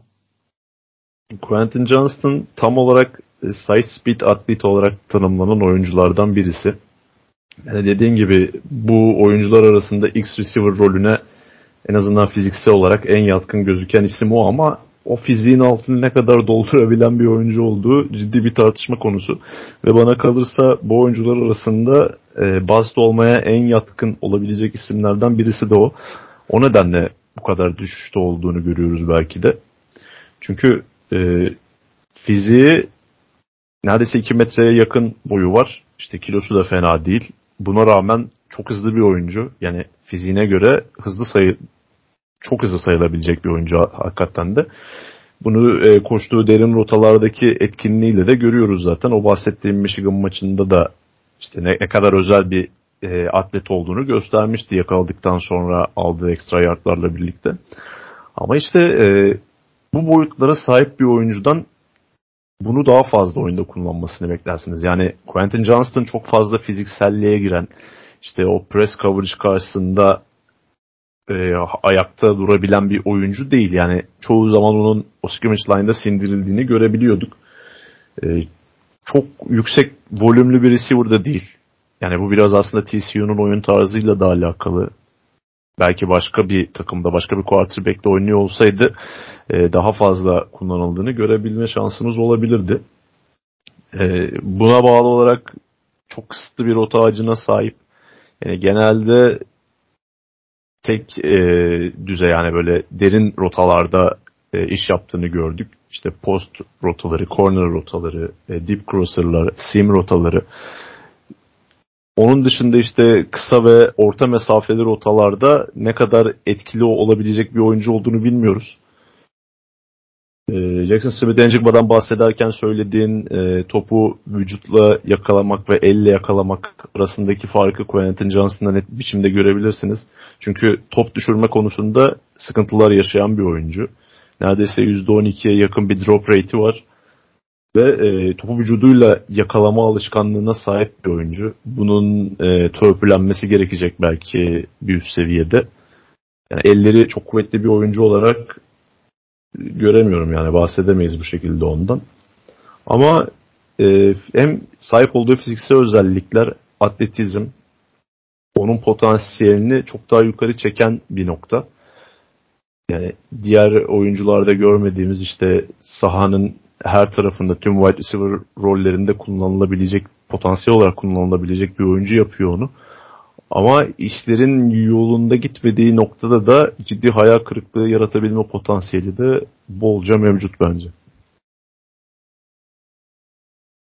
Bu arada sezon ortasında hani dikkat çeklemişken sezon ortasında sanırım yani draft piyasasını çok hızlı bir şekilde bir tek maçta bir oyuncu ancak bu kadar etkileyebilirdi. Kimden bahsedeceğimi biliyorsun. Benim hiç hoş hatırlamayacağım bir karşılaşmadan bahsediyorsun sanırım. Ki o maç hakikaten o kadar acayip maçtı ki daha sonra biz de ondan konuşmuştuk. Hemen sonrasında işte Alabama'ya karşı tenisin oynadığı acayip maçta Jalen Knight'ın saçma sapan performansı vardı. Yani işte 6 top yakalayıp 5 taştan yapan absürt bir performanstı. Hakikaten bir konu konu yani bir oyununun bir yönü noktasında hani bir oyuncunun uzmanlaşmasına ya dair hani bu kadar örnek olabilir yani derin top hızı, derin top yakalama kabiliyeti açısından hani çok etkileyici. Başka ne var dersek şu an bilmiyoruz. Muhtemelen fazla da bir şey yok. Zaten draft zamanı yaptığım eğlenceli şeylerden bir tanesi işte mock draft'a girip oyuncuların işte atletik değerlerine göre işte boyla, boyun kilosuna vesaire göre hani örneklere kıyaslamaktır. Gördüğüm oyuncu profilde direkt olarak hep böyle şey tamamen hakikaten derin top tehdidi olsun da başka bir işe girmese de olur denilen profilde oyuncuları çok andırıyor. Zaten fiziksel açıdan da. İlgi çeken yani oyuncuların bazılarının doğal olarak bahsettiğim yani sadece hızdan oluşuyor. Mesela yani 40 yard hızına baktığın zaman etkileyici bir durum yok. Ama bazı oyuncular hani o hızdan daha fazlasını oynar. Hatta mesela ondaki ilgi çekici örneklerden bir tanesi Cooper Cup'tı. Ee, mesela Cooper Cup'ın sanırım 40 zaman 4.60'larda falan yani. Abi ne yapıyorsun falan yani. Almazsın böyle oyuncular. Yavaş geliyor dersin. Ama mesela gerçek sahadaki oynama hızı açısından hani inanılmaz süratli bir oyuncu mu? Değil. Ama çok iyi bir mesela derin top tehdit de var yani. Oyunun başka bir sürü yönüyle beraber. Ki mesela sanırım o zaman Rams onu seçerken e, Senior Bowl'daki işte GPS ile olan ölçüm verisini de kullanarak mesela o konuda daha rahat ediyorlar. Yani hızıyla alakalı, sorun olmamasıyla alakalı mesela. Mesela Jamie Knight'da yani sahadaki gördüğün hızı başka türlü bir oyuncu. Ama tabii ki tenisi yani çok kendine has bir sistemde oynuyordu. O kadar çok oyunculara hani serbest release ortamı sağlayan switch release'ler falan farklı şeyleri gördük yani. NFL seviyesinde onu o kadar kolay görmeyebilir. Tabii ki bunların hepsi ve oyunun başka yönden ne katabileceği alakalı riski var ama hızın gittikçe daha da elzem haline geldiği hani birlikte hız vaadi çok ilgi çekici. Bunun dışında da bunu kim önem verecek, kim atlayacak çok merak ettiğim yani draftta nereden gideceğini, kime gideceğini çok merak ettiğim bir oyuncu profili. Hani ki e, yani birazdan sonra konuşacağım ama yani tenis sezonu başlarken de yani en öne çıkan wide profil değildi. Ama sanırım Alabama maçı hakikaten oyuncunun kariyerini bambaşka bir noktası. Yani bu arada kariyerinde başka hiçbir şey yapmasa bile o Alabama maçı ondan sonrasındaki zaten yanlış görmezsem Peyton Manning'le pro, pro falan içiyordu yani soyunma odasında. Hayatının sonuna kadar yeter ona. O Alabama maçından sonra bir Georgia maçı oynadılar. O maçta Georgia savunmacıları özellikle yani böyle e, kademeli olarak savunuyorlardı Jalen Hyatt'ı. Önünde bir adam, arkasında bir adam. Hani futbolda böyle kademeli kademe savunmaları vardır ya. Öndekini geçerse arkadakine takılsın diye. Kenardan yani öyle kenardan Kirby Smart 11'e basın işareti yapmış falan. 11'e o 11'e nefes aldırmayın. Yani öyle bir e, gündem olmuştu gerçekten. O Alabama maçı çok acayipti. Yani Jalen Hyatt bu sezona gelene kadar önce ondan önceki iki sezonda e, yanılmıyorsam 30 reception'ı geçtiği sezonu yoktu. İki sezonuna bakarsak yani bu üçüncü sezonu. Önceki iki sezonunda 30 reception'ı geçtiği sezonları yoktu. Birden e, kolej futbolu piyasasına bomba gibi düşen bir oyuncu oldu. Ama çok tek yönlü bir oyuncu olarak görüyorum. Yani NFL'deki kariyeri de kolej kariyerinden çok farklı olmayacaktır. Yani sadece derin saat tehdidi olarak bir spesyalist oyuncu olarak düşünebiliriz onu. Ama o tek yaptığı işi de çok iyi yapan bir oyuncu. Dediğin gibi yani e, çok hızlı değil belki işte düz çizgi hızına baktığımız zaman çok hızlı değil ama patlayıcı bir oyuncu ve e, siz farkında olmadan birden o derin sahayı inmiş olabiliyor ve derin sahadaki topu takip edebilme yetenekleri gerçekten çok özel. buna değer verecek takımlar illaki olacaktır. Hatta sen az önce işte hangi takımın bununla ilgileneceğinden vesaire bahsederken benim aklıma direkt ilk turun sonundaki birkaç tane belirli takım geldi. İşte Buffalo ya Bills şey gibi, Kansas City Chiefs gibi takımlar. Buffalo neyse falan da Endrid'in elini düşerse vallahi bittik ya. Çok fena yaparlar. Değil mi? Ligi kapatalım yani. Zaten birçok wide receiver hala hazırda ayrılmış durumda ve oraya herhangi bir ekleme de yapmadılar. Yani tam olarak Tyreek Hill'in o derin sağ tehdidini yeniden takıma monte edebilecek bir oyuncu Jalen Hyde. Yani Tyreek Hill kadar top elindeyken e, e, etkili olabilen bir oyuncu değil belki. Yani o e, trafik içerisinde o hareketleri yapamıyor ya da kısa ve orta mesafede de etkili değil. Yani Tyreek Hill klonu bir oyuncu diyemeyiz ama Tyreek Hill'in oyununun derin sağ elementini e, bu takıma ekleyebilecek bir oyuncu. E, istatistiklerine baktığımız zaman da zaten bu oyununu bolca görebiliyoruz. Çoğunlukla 3 e, üç receiver'lı setlerde sahaya çıkan bir oyuncu. 1 veya 2 receiver'lı setlerde sadece 3 tane rota koşmuş. Yani bu çok komik bir rakam. Bundan yola çıkarak da yani kesinlikle bir takımda birinci receiver hatta ikinci receiver bile olamayacağını söyleyebiliriz. Tamamen e, slot ağırlıklı ya da e, üçüncü receiver belirli downlarda oyuna girecek ve sadece belirli bir rolü üstlenebilecek bir oyuncu. Yani böyle bir oyuncuyu neden ilk turda seçelim ki diyebilirsiniz. Ama bunu yani NFL'in geldiği nokta bu. Artık e, olabilecek en kısa yoldan takımların skor üretmesi lazım. En kısa yoldan skor üretmeye çalışıyorlar. Ve bunu size belki de bu sınıfta en iyi sunabilecek oyuncuların başında geliyor Jalen Hyde. E, geçtiğimiz yıl NCAA'de e, yard ve EPA'lerde açık ara lig lideriydi. E, Josh Heupel'ın e, hücum sistemiyle de bolca alakalı bu. Yani NFL'de gideceği takımda da benzer bir sistem görmesi gerekiyor. Çünkü e, biraz gizlenmesi gereken bir oyuncu. Yani senle de bunu bayağı bir konuşmuştuk sezon içerisinde. İşte Tennessee'nin o garip e, hem sağ kanatta hem sol kanatta ikişerli steklerden oluşan kimsenin durduramadığı bir hücum formasyonu vardı. Yani bu tarz formasyonlarla Jalen Hyatt'ı çok güzel gizlemeyi yani o presle karşılaşmadan rahat bir şekilde e, release ederek savunma e, backfield'ına sarkmasını sağlayan e, bir sistemi vardı Josh Heupel'ın ve bunun ekmeğini bolca yedi. Yani NFL'de de buna benzer bir rolde, buna benzer bir sistemde oynarsa etkili olabilecek bir oyuncu görüyorum ben. İşte o yüzden yani o kullanma konusunda şüphe etmediğimiz bir şahsiyet olduğundan ve takım olduğundan Enderid'in eline geçmemesi konusunda diğer tüm takımların işbirliği yapması şart. Bakın buradan uyarıyoruz. Şimdiden söylüyoruz. Sonrasında bir sorumluluk almayız.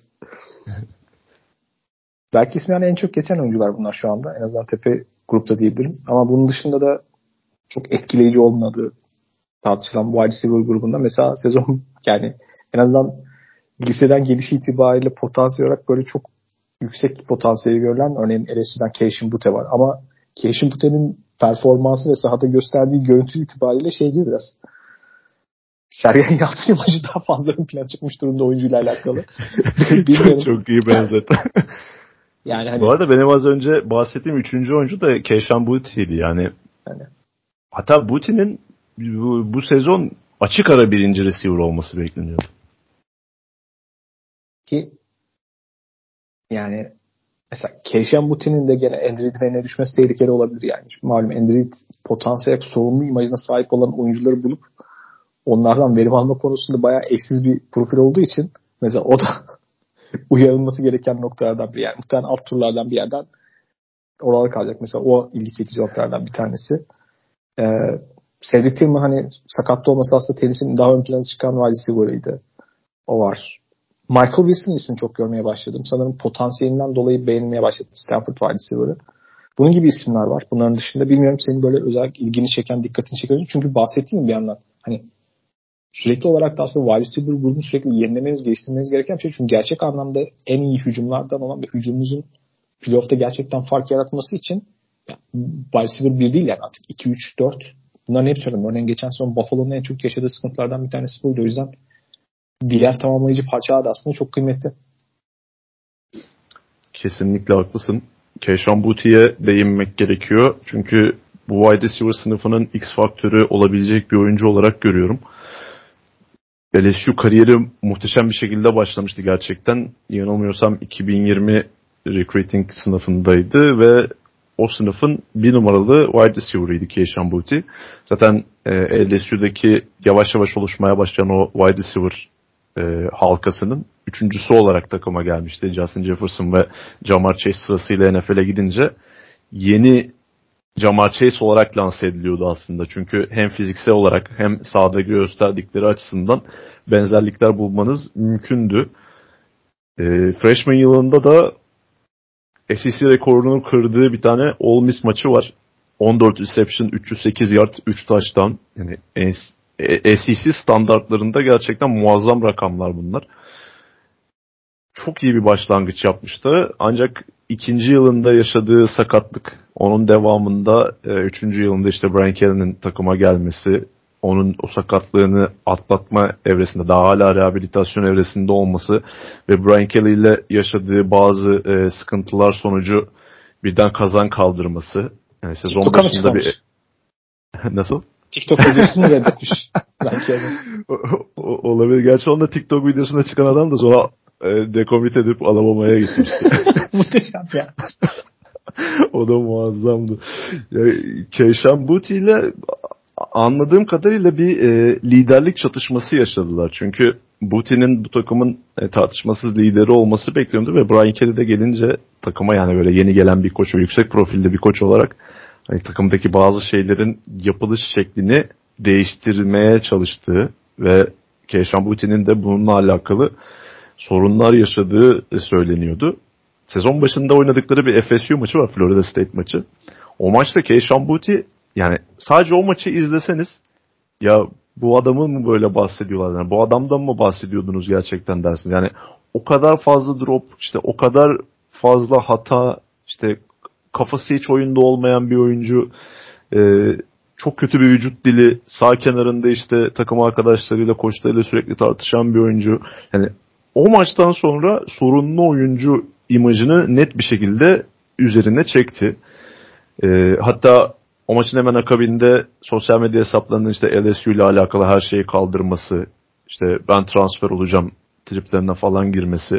Daha sonrasında işte Brian Kelly'nin bayağı bir oyuncunun gönlünü almaya çabalamasıyla beraber geri kazanması ve bu sezon işte 6 maçta onu oynatmaları, sezon sonuna doğru da iyi maçlar çıkartması biraz e, değerlendirmenin zor olduğu bir oyuncu haline getiriyor Keyshawn Buti'yi.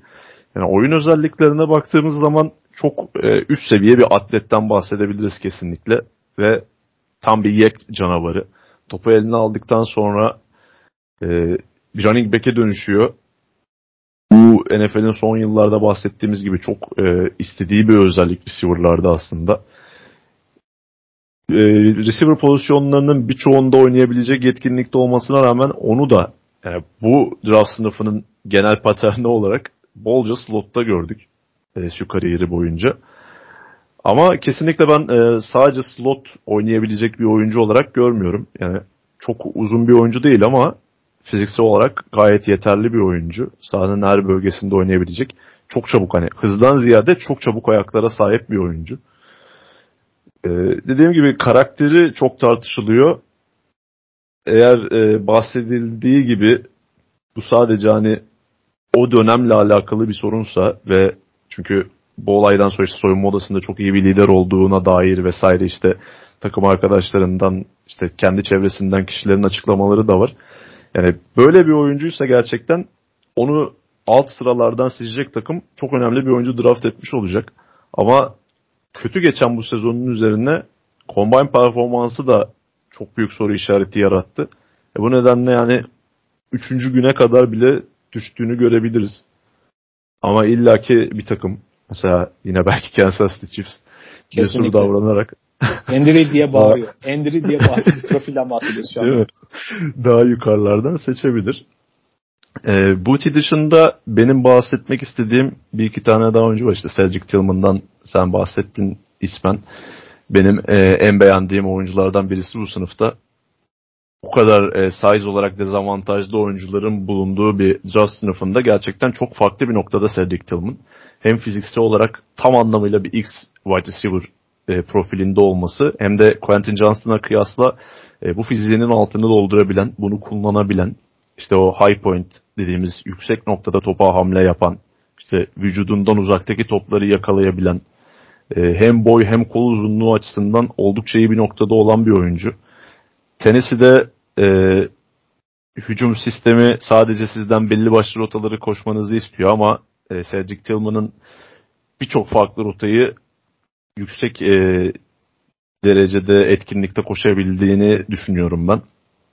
Bu yıl yaşamış olduğu işte o bilek sakatlığı çok fazla onu sınırladı. Yanılmıyorsam 5 ya da 6 maçta oynadı ama ondan önceki sezon muazzam bir yıl geçirmişti. Bin yardı geçen sezonu vardı.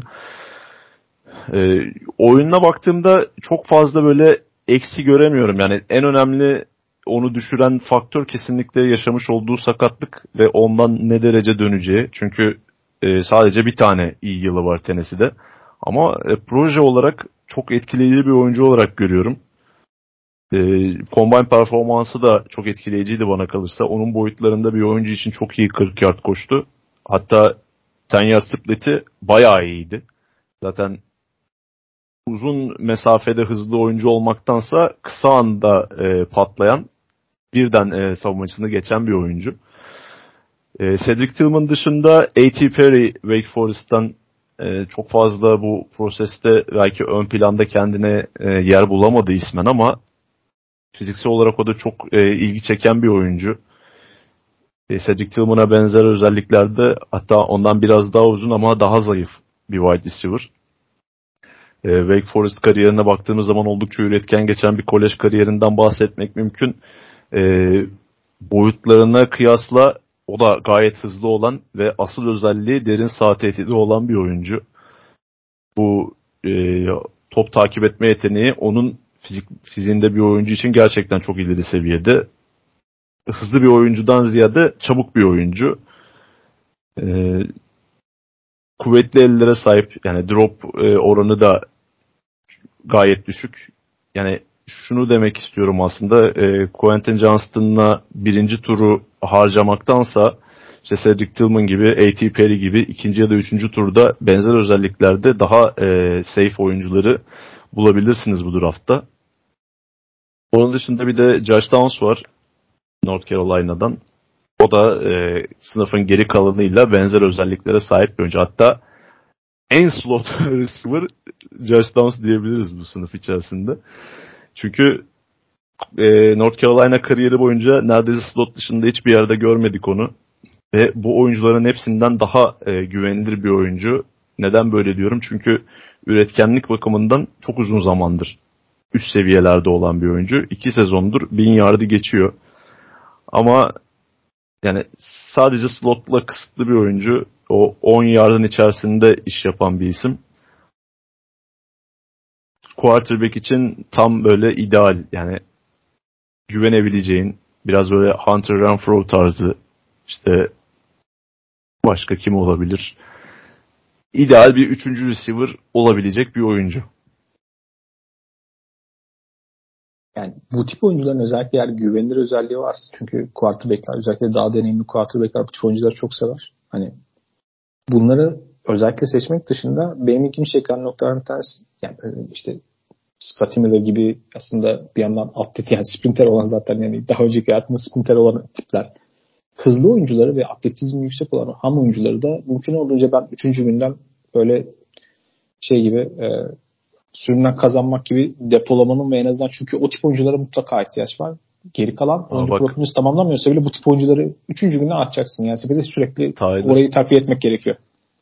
Tyler Scott var mesela o bahsettiğim profile uygun bir oyuncu Cincinnati'den. Ee, çok uzun bir oyuncu zaten eski bir running back boyutlarından da anlaşılıyor. Ona rağmen çoğunlukla kenarda oynayan bir oyuncuydu. Çok çok hızlı bir isim. Yani üçüncü günde kesinlikle şans deneyebileceğiniz receiver'lardan birisi.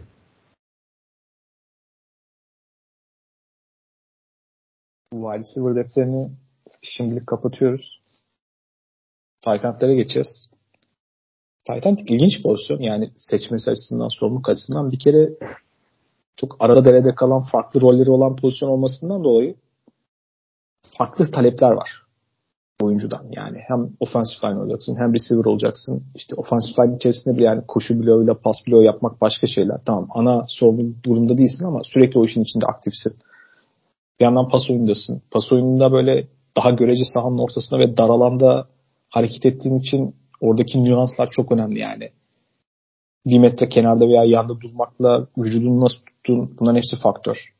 Bu ve bunların hepsini bir arada uygularken hani çok yönlülük üzerine kurulu bir pozisyon olduğu için arada kalan bunları doğru şekilde kullanmak ve o taktik içerisinde kullanmayı öğrenmenin zaman alması gereken gereken pozisyon. Yani çoğunlukla hani ilgi çeken noktalardan bir tanesi yani örneğin draftla alakalı drafttaki kaynakları kullanmakla alakalı bazı işte veri bazı analizlere baktığımda yani işte çoğunlukla işte ilk turda örneğin bazı pozisyonlarda evet en tepedeki oyuncu grubundan sonra mesela çok keskin düşüyor değil mi? Mesela offensive tackle alakalı böyle bir şey vardır yani. En tepedeki 3-4 oyuncudan sonra geriye kalan performans çok daha az anlam ifade eder. End'ler ise yani ligdeki en iyi oyunculara da baktığımızda yani Travis Kelsey, Mark Andrews, George Kittle yani bunlar 3. tur, 5. tur falan buradan seçilen oyunculardan bahsediyoruz. Ve bunların hiçbir de hemen ilk yılında böyle tam Brockton oynamaya başlamış değil yani. Hakikaten bazılarının hakikaten takıma hazır hale gelmesi zaman da alan oyuncular bunlar. Tight endlerin hem istenilen sorumluluk itibariyle zaman alması pozisyonu yani adapte olması gerçekten iyi hale gelmesi bu oyuncular için ki son yıllarda baktığımızda yani bir dönem hakikaten çünkü çok iyi tight sahip olduğu zaman sahada takımın çok yönlülüğünü artıran ekstra bambaşka bir pas tehdidi olarak değer katan bir oyuncu olarak takımları gerçekten büyük seviyeye çıkarabilen pozisyon olduğunu gördük. Yani gerçekten elit oyuncular sahipsiniz. Tabii ki Rob Gronkowski gibi onun en uç noktasında bir profil gibi düşünürsek. Ama daha sonrasında yani Kelsey olsun, Mark Andrews olsun bu oyuncuların hakikaten takımı gerçekten çok daha tehlikeli bir hale getirebilen profilde oyuncular. Ama bu potansiyele sahip olduğunu düşünen özellikle de atletik açıdan ilgi çekici olan ve kolejde başarılı olmuş oyuncuların bu profili bulmak adına gittikçe daha yukarıdan ve ilk turdan draft edilmeye başlandığını gördük. Son yıllarda böyle biraz bir trend oldu bir dönem.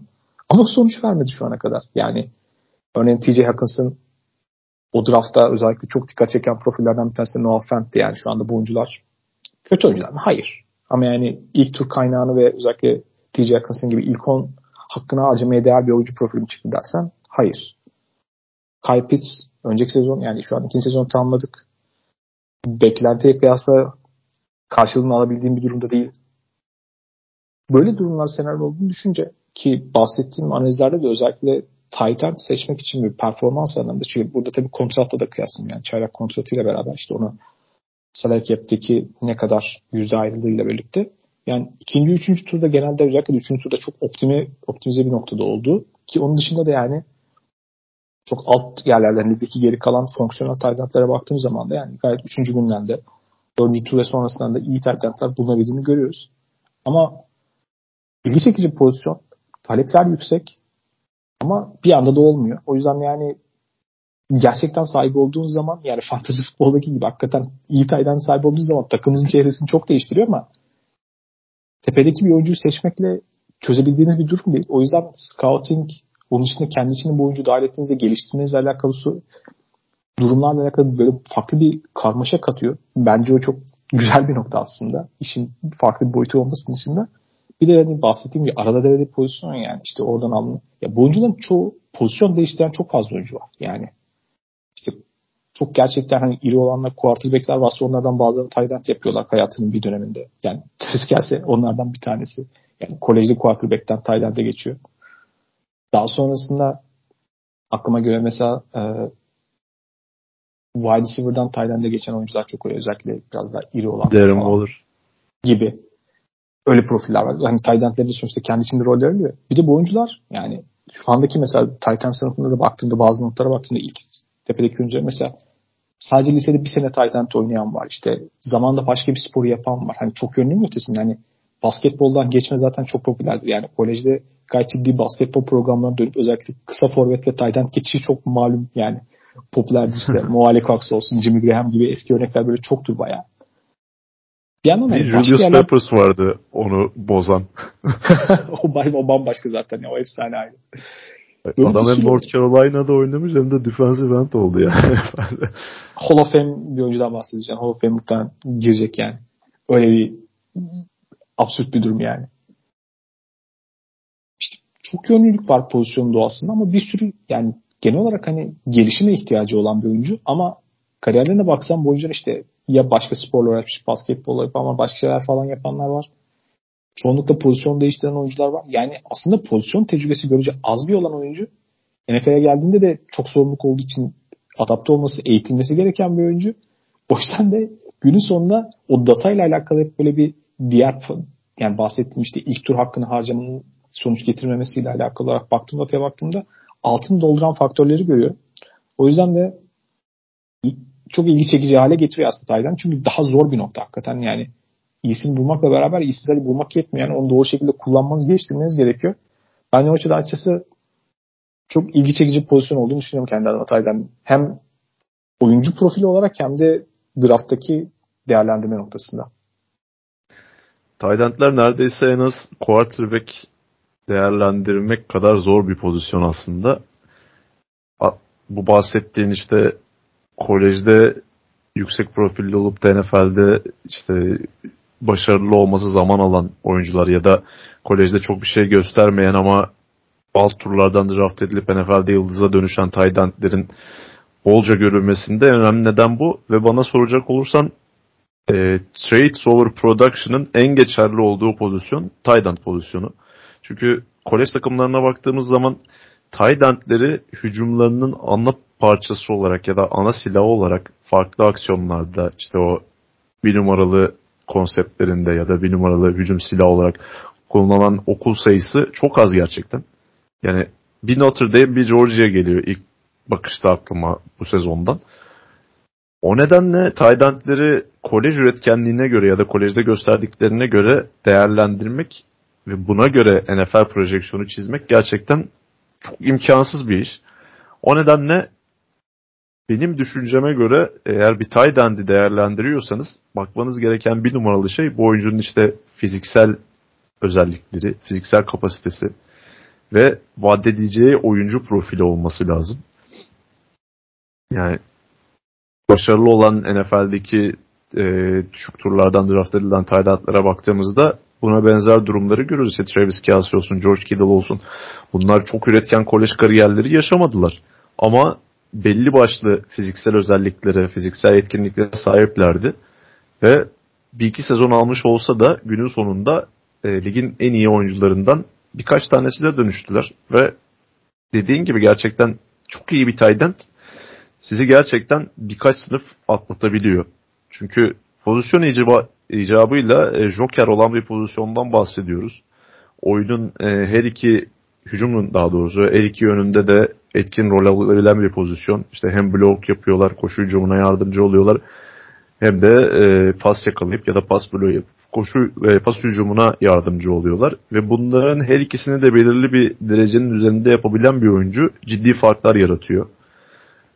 E, o nedenle tight end'in son yıllarda işte gelişen pas hücumuyla birlikte wide receiver'ların arkasından ikinci e, bu sistemin elemanı olarak değerlerinin biraz da arttığını gördük.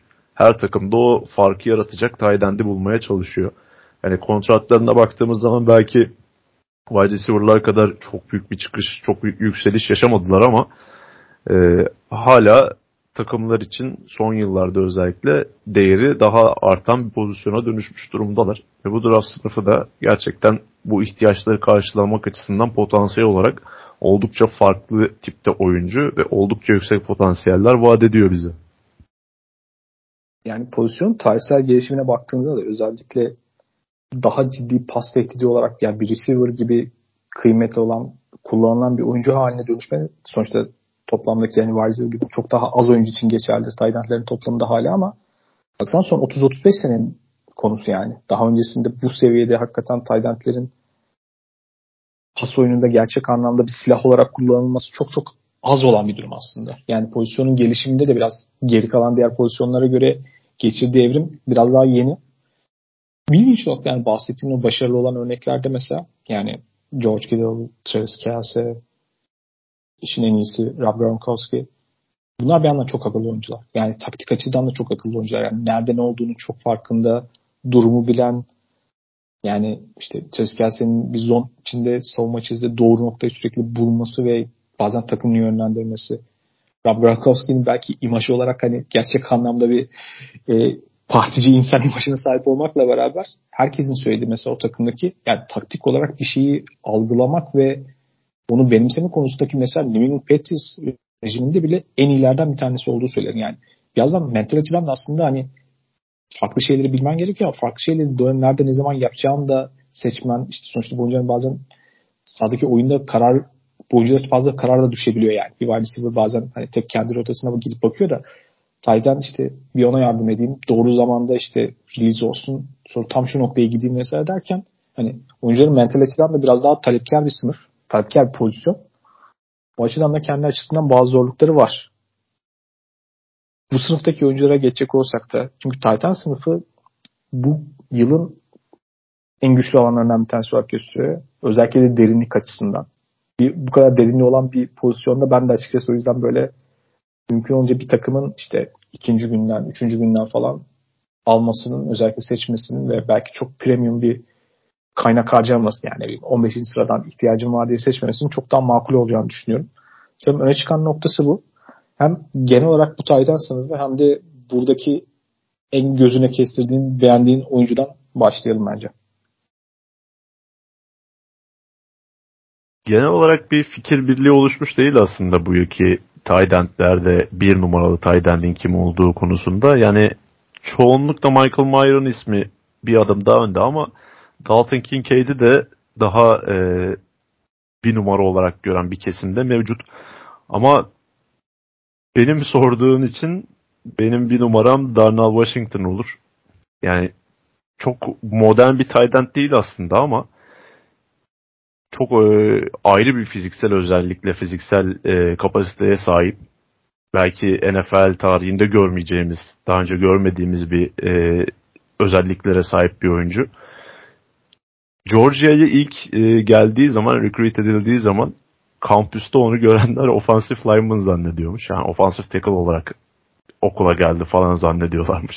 Çünkü baktığımız zaman gerçekten e, 6 feet 7 inç ve 270 pound civarı yani benim diyen left tackle'larla boy ölçüşebilecek e, fiziksel özelliklere sahip. Ve bu e, taşıdığı fiziğe rağmen hareketlik konusunda da gayet iyi olan bir oyuncu. Oyunun şu anki noktasında e, daha çok blok özelliği gelişmiş bir oyuncu olarak karşımıza çıkıyor. Çünkü bu biraz e, Georgia'da oynadığı rolle de alakalı. Yani orada tamam five star olarak geldi belki Darnell Washington ama e, tüm kolejin en iyi tight ile birlikte oynamak zorundaydı. Yani Brock Bowers'ın arkasında kendini göstermesi için çok da bir şansı olamadı açıkçası bütün hücum sistemi Bowers'ın üzerinden yürüyordu orada. Darnell Washington'da çok kısıtlı e, pas hücumlarında özellikle fırsat buldu. Bu da aslında biraz onun e, blok yeteneklerini de geliştirmesine neden oldu. Şu an e, draft edileceği takımda direkt red zone hücumuna artı bir iki seviye etki e, ekleyebilecek bir oyuncu olarak görüyorum ben. Hem sağdaki 6. offensive lineman olma potansiyeli hem de iri cüssesiyle birlikte e, red zone'da özellikle end zone içerisinde e, vücudunu kalkan ederek yakalayabileceği paslarla beraber çok büyük fark yaratabilme potansiyeli mevcut. E, dediğim gibi çok uzun, kolları da çok uzun oyuncu, iri bir oyuncu. O pas yakalama yarı çapı gerçekten çok geniş. Combine'da da zaten e, saçma sapan atletik özellikler gösteren yani tek elle yakaladığı bir pas var mesela pas trillerinde. Çok e, özel bir oyuncu olma potansiyeli var. Sahip olduğu atletizm, işte fiziksel özellikler çok eşsiz bir oyuncu. O nedenle yani sıradan böyle ne olduğu belli olan ya da ne alacağınız belli olan oyunculardan ziyade Darnell Washington'ın sunduğu potansiyeli ben daha çok beğeniyorum bu sınıfta. Yani ilk seçilen Tydent olmayacaktır muhtemelen ama birkaç sene sonra en iyi Tydent olma ihtimali hiç de az değil. Bir de ilgimi çeken nokta mesela bahsettiğin o atletik bir tane tekerle yakaladığı acayip böyle vücudunu döndürdüğü falan saçma sapan bir pozisyon vardı yani. Combine'da en çok kendi hissesini artıran oyunculardan bir tanesi olmuş. Bir de RAS skoru yani onluk skaladan bahsediyoruz 9.9. Yani bahsettiğin fiziksel ölçülerde bir oyuncunun o patlayıcı potansiyeline sahip olması eminim çok takımın iştahını kabartır. Bir diğer nokta genelde bu tight baktığımız zaman hep görülen şey yani özellikle hani pas yakalama becerisi genelde daha önde başlarlar. İşte bloklama becerisinin de zaman içerisinde belli bir yere gelmesi beklenir. Ki ligdeki çoğu iyi taydan da baktığın zaman yani blok becerisi işte Travis Kelsey, Mark Andrews gibi oyunculardan bahsediyorum. Yani şeyin gerisindedir yani. Pas hücumundaki yakala pas tutma becerisinin gerisinde gelen. Herkes böyle Rob Gronkowski gibi ikisini birden muazzam yapan oyuncu olmuyor veya George Kittle gibi. Darnell Washington'ın blok yapma becerisinin bu seviyede olması onu ilk günden itibaren koyabileceğiniz yani sahada onun için hazır bir rol bulundurabildiğiniz daha sonrasında özellikle çok aceleniz yoksa yani şu anda birinci günden itibaren yarışmacı olacak bir durumda kullanmayacaksınız. Zaman içerisinde geliştirebilme potansiyelini hem ilk günden oynatabilmeniz çünkü onu yapı, çok net bir şekilde kullanabildiğiniz bir özelliği var. Hem de geliştirebilmeniz için çok iyi bir fırsat sunuyor. Ben de açıkçası geri kalan potansiyel oyunculardan daha çok Darnell Washington'ın bu özelliklerini geri kalan oyunculardan daha ilgi çekici buluyorum. Kendi adıma öyle söyleyeyim. Genelde ama yani sanırım draft sezonu yani ilk işte mock draftlar falan oluşmaya başlayınca böyle çok fazla takımın ilk sırada mesela Michael Mayer'ı görmeye başladığını görmüştük yani Notre Dame'den. Ama sanırım patlayıcılık anlamında o kadar çok şey vaat etmiyor. Yani belki ilk günden alıp işte hazır bir şekilde pas oyununa yerleştirebileceğiniz ve orada bir tehdit olacak bir oyuncu olarak potansiyeli var. Sonuçta üretim de var. Baktığın zaman istatistiklerine baktığın zaman Notre Dame'de. Ama potansiyel olarak sanırım biraz daha geride olan bir oyuncudan bahsediyoruz. Notre Dame demişken öncelikle şundan bahsetmezsek olmaz. O kolejler bazı pozisyonlarla anılırlar e, evet. NCAA'de, Amerikan futbolunda daha doğrusu. Tight end üniversitede dediğiniz zaman da Notre Dame'i ayrı bir noktaya koymanız Tight gerekiyor. End ve O-line. İkisi de bu işi. evet o O-line. O şey e, bir tane O-line'ının bir yılki O-line'ının daha doğrusu hepsi şu an NFL'de oynuyor işte o Zach Martin'li, Staley, e, McGlinchey de galiba O-line'da sağ tackle'dı. O-line konusunda da fena değiller doğru ama Tydent Üniversitesi olarak ayrı bir noktaya koyabiliriz onları ve bundan bahsetmişken de e, bir Raiders efsanesi Hall of Fame Dave Casper'ı da buradan analım bir kez daha. E, 2004 yılından itibaren her yıl düzenli olarak bir Tayland oyuncusu draft edilmiş bir okul. Yani baktığımız zaman belki hepsi NFL'de çok e, yüksek noktalara erişemediler ama bu gerçekten inanılmaz bir istikrar. Ee, son yıllara baktığımız zaman isim olarak bakacak olursak işte Kmet geldi, Tommy Tremble geldi. Ondan önce işte Tyler Eifert vardı, Durham Smythe. Ee, işte daha geri gittiğimizde Kyle Rudolph. Yani tight geleneği olan bir okul. Ve Michael Mayer bu okulda belki de modern zamanlarda gelen en iyi tight ve okulun e, son 3 yıldır leading receiver olmakla beraber tüm tight rekorlarını da kırmış durumda. Tyler Eifert aitti. Tyler Eifert çok daha büyük bir potansiyelde aslında ama yaşadığı sakatlıklar sonucu kariyeri hiç e, beklenilen noktada gitmedi. Michael Mayer'a baktığımız zaman e, bu draft sınıfında en güvenilir tight end potansiyel olarak karşımıza çıkıyor.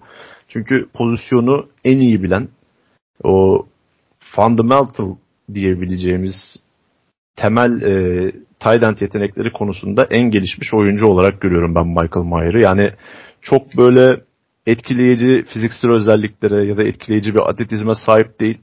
Ama işte rota kabiliyeti ya da her underneath rotalarda hayatını idame ettiren oyuncularda olmasını beklediğiniz o e, coverage'in özellikle alan savunmasının, zone savunmasının yumuşak taraflarını, zayıf taraflarını sezme, oralara hareketlenme konularında ayrı bir noktada e, karşımıza çıkıyor. dediğin gibi direkt al takıma koy oynasın tarzında bir oyuncu. Quarterback'lere özellikle genç quarterback'lere çok e, yardımcı olabilecek tarzda bir oyun tarzı var. Yani e, dediğim gibi en atletik değil, en uzun değil ama her e, özelliği bünyesinde barındıran özellikle e, receiving yetenekleri, top yakalama yetenekleri biraz daha gelişmiş. Ama NFL seviyesinde de hayatta kalabilecek blok kabiliyetine sahip bir oyuncu. Aslında bir numaralı end olarak görülmesinin en büyük nedeni de bunlar zaten. Oyununda çok fazla bir eksik, çok fazla bir defo yok. Ama potansiyel olarak da en üst seviyeye çıkabilecek oyunculardan biri olarak görmüyorum ben. Taban olarak da e, en yüksek tabanı yani en güvenilir tabanı olan oyuncu. Bu bahsettiğin hani her şeyi belli seviyede yapmakla alakalı olarak özellikle de hani pas oyununda pas yakalama daha yüksek olarak bahseden oyuncuların işte scouting raporlarını falan okurken en sevdiğim cümlelerden bir tanesi Taytartlar için işte blok konusunda da çaba gösteriyor. Güzel, klasik olarak olan noktalardan bir klişelerden bir tanesi. Mesela Dalton Kincaid de o dikkatimi çekti Utah Tayland'ı mesela o önemli çıkan isimlerden bir tanesi. Aklıma gelenlerden. Yani en yukarıda gitmesi olası 3-5 tane Tayland'dan bir tanesinden bahsediyoruz. Luke Musgrave var. Oregon State Tayland'i atletik olarak yani rakamları çok ilgi çekici. Onun dışında zaten e, Bill Musgrave'in yeğeniymiş. Yıllardır NFL'de var olan bir koçtan bahsediyoruz. Mesela Sam Laporta var. O da Combine'da hissesini çok arttıran oyunculardan bir tanesi oldu. Ki sezon başını hatırlıyorum. Yani Iowa zaten tight konusunda bir popülariteye sahip olduğu için artık işte George Kittle'dan sonra işte TJ Hawkinson seçildi falan. Tight konusunda yeni gelen okul olduğu için Sam Laporta'da mesela oradan da çıkmasıyla beraber potansiyel mesela sezon başında hatırlıyorum yani işte Iowa maçlarında kaç tane scout gidiyor sırf Sam Laporta için falan deniyordu yani. O da o dönemde çok popüler bir oyuncu. Daha sonra şu anda o kadar belki en tepede görünen oyuncu durumda değil. Bu gibi isimlere baktığın zaman ki bunun dışında da olabilir. En ilgini çeken kişiler, oyuncular, profiller neler senin gözünden? E, şimdi burada Luke Musgrave benim bahsettiğim o e, oyuncu özellikle fiziksel özelliklerin kolej üretkenliğinin önüne geçtiği ve fiziksel yetenek olarak gerçekten çok büyük potansiyel vaat eden bir oyuncu. Bahsettiğin gibi Bill Musgrave'in yeğeni ki Bill Musgrave de benim için özel bir yere sahiptir. Çünkü e, Raiders'ın son iyi olduğu dönemde hücum koordinatörüydü. Jack Del Rio'nun. Derek Carr'ın o MVP seviyesinde oynadığı ve son maçta fibula kemiğinin kırıldığı sezondaki hücum koordinatörüydü takımın. Ee, onunla alakalı şeyi enteresan bulmuşumdur hep. Bill Musgrave Oregon mezunu. Luke Musgrave amcası gibi Oregon'a değil de Oregon'un rakiplerinden biri Oregon State'e gitmiş. Yani recruitment'ını... Musgrave'in babası da Oregon'da oynuyor. He, babası da Oregon'da oynamış. Yani hem babası hem amcası oynamışken Oregon illaki e, teklif yapmıştır Mas e, Luke Musgrave'e. Neden Oregon State'e gitmiş? O çok enteresan geldi bana gerçekten. E, Oregon State'teki kariyerinin başlangıcında şu an Texans'ın e, tight endlerinden biri olan, geçtiğimiz yıl çaylak olan Tegan Kuitoraino. Onun arkasında olduğundan çok fazla e, kendine gösterme şansı bulamamıştı. Bu sezona fırtına gibi başlamışken bir diz sakatlığı yaşadı ve e, Senior Bowl'a kadar ancak iyileşebildi. O nedenle e, kolej kariyeri bize çok fazla veri sunan bir oyuncu değil ama oldukça uzun, ince bir yapıya sahip ve fazlasıyla atletik bir oyuncu. Senior Bowl'un en çok ön plana çıkan oyunculardan birisiydi ve size'ına göre en hızlı oyuncularından birisiydi antrenmanlarda. Yani bundan bahsetmiştik işte Combine konuştuğumuz bölümde. Senior Bowl'da oyuncuların üzerine taktıkları işte o ekipmanla ulaştıkları maksimum hızı falan ölçüyorlardı.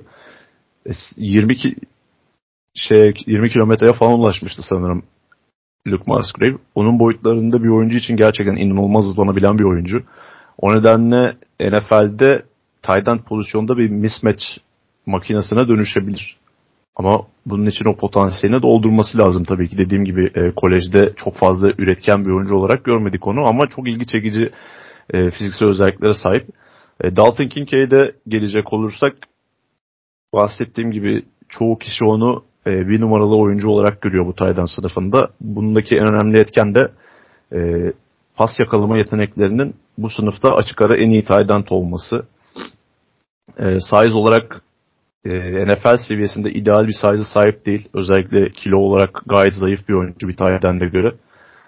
Ama pas yakalama işte o receiver hissiyatı konusunda çok çok gelişmiş bir oyuncu ve bunu da Amerikan futbolu ve tight pozisyonu tecrübesi çok kısıtlı olan bir oyuncu olarak yapmış olması gerçekten inanılmaz bir durum.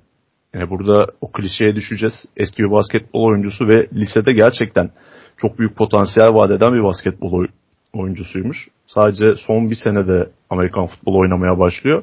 Ve onunla alakalı şöyle de enteresan bir durum var. Freshman yılında sadece 24 pas yakalayarak 11 touchdown pası yakalamış. Yani 24 pastan 11'ini touchdown olarak yakalamış bir oyuncu. Zaten e, onun maçlarını izlediğiniz zaman, highlightlarını izlediğiniz zaman topu yakalama noktasında e, boyutlarına göre çok daha yüksek noktalara çıkabilen bir oyuncu olduğunu görebiliyorsunuz. Bu biraz tabii ki basketbol geçmişiyle de alakalı bir durum. Hani rebound alır gibi topları yakalıyor. Ama işte NFL seviyesinde e, inline tight end olarak ne kadar kullanılabilir? Çünkü e, o fiziksel dezavantajı NFL seviyesinde blokçu olmasının e, önüne geçebilir. Yani evet e, NFL'de artık tight endler farklı rollere ayrılmış durumda. Yani eskisi gibi tight end'in hem blok yapması hem pas yakalaması çoğu zaman beklenmiyor ama belli bir e, seviyede de yine blok yapabiliyor olması lazım. Çünkü e, bu kenarları mühürleme noktasında koşu oyunlarında çok elzem bir durum ve Kincaid'in maçlarını izlediğiniz zaman bu noktalarda çok e, zayıf kalabildiğini görebiliyorsunuz. Yoksa ee, Eagles yoksa Terko Sasan gelir quarterback'inizi indirir. Sizi de Super Bowl'dan engeller yani. Aynen öyle. Yani Kincaid'i eğer ben bu oyuncudan ortalama seviyede blok yapabilen bir oyuncu çıkartırım düşünceniz yoksa sadece e, sade belli başları belli baş şeyleri yapabilecek bir oyuncu olarak draft edecektir takımlar. Çünkü klasik tight pozisyonundan ziyade e, slotta çoğu zaman dizildiğini gördük Utah'ta. Ama dediğim gibi pas yakalama yeteneği çok üst düzey bir oyuncu olduğu için bu takımların iştahını kabartıyor muhtemelen. Çünkü bu tarz tight ne kadar fark yarattığını gördük. Ee, son olarak Sam Laporta'dan da bahsetmek gerekirse sen de dedin işte Iowa son yıllarda çıkarttığı tight belki Notre Dame'e rakip olabilecek bir okul olma yolunda ilerliyor. İşte Noah Fant, TJ Atkinson, George Kittle, daha da gerilere gidersek Dallas Clark var.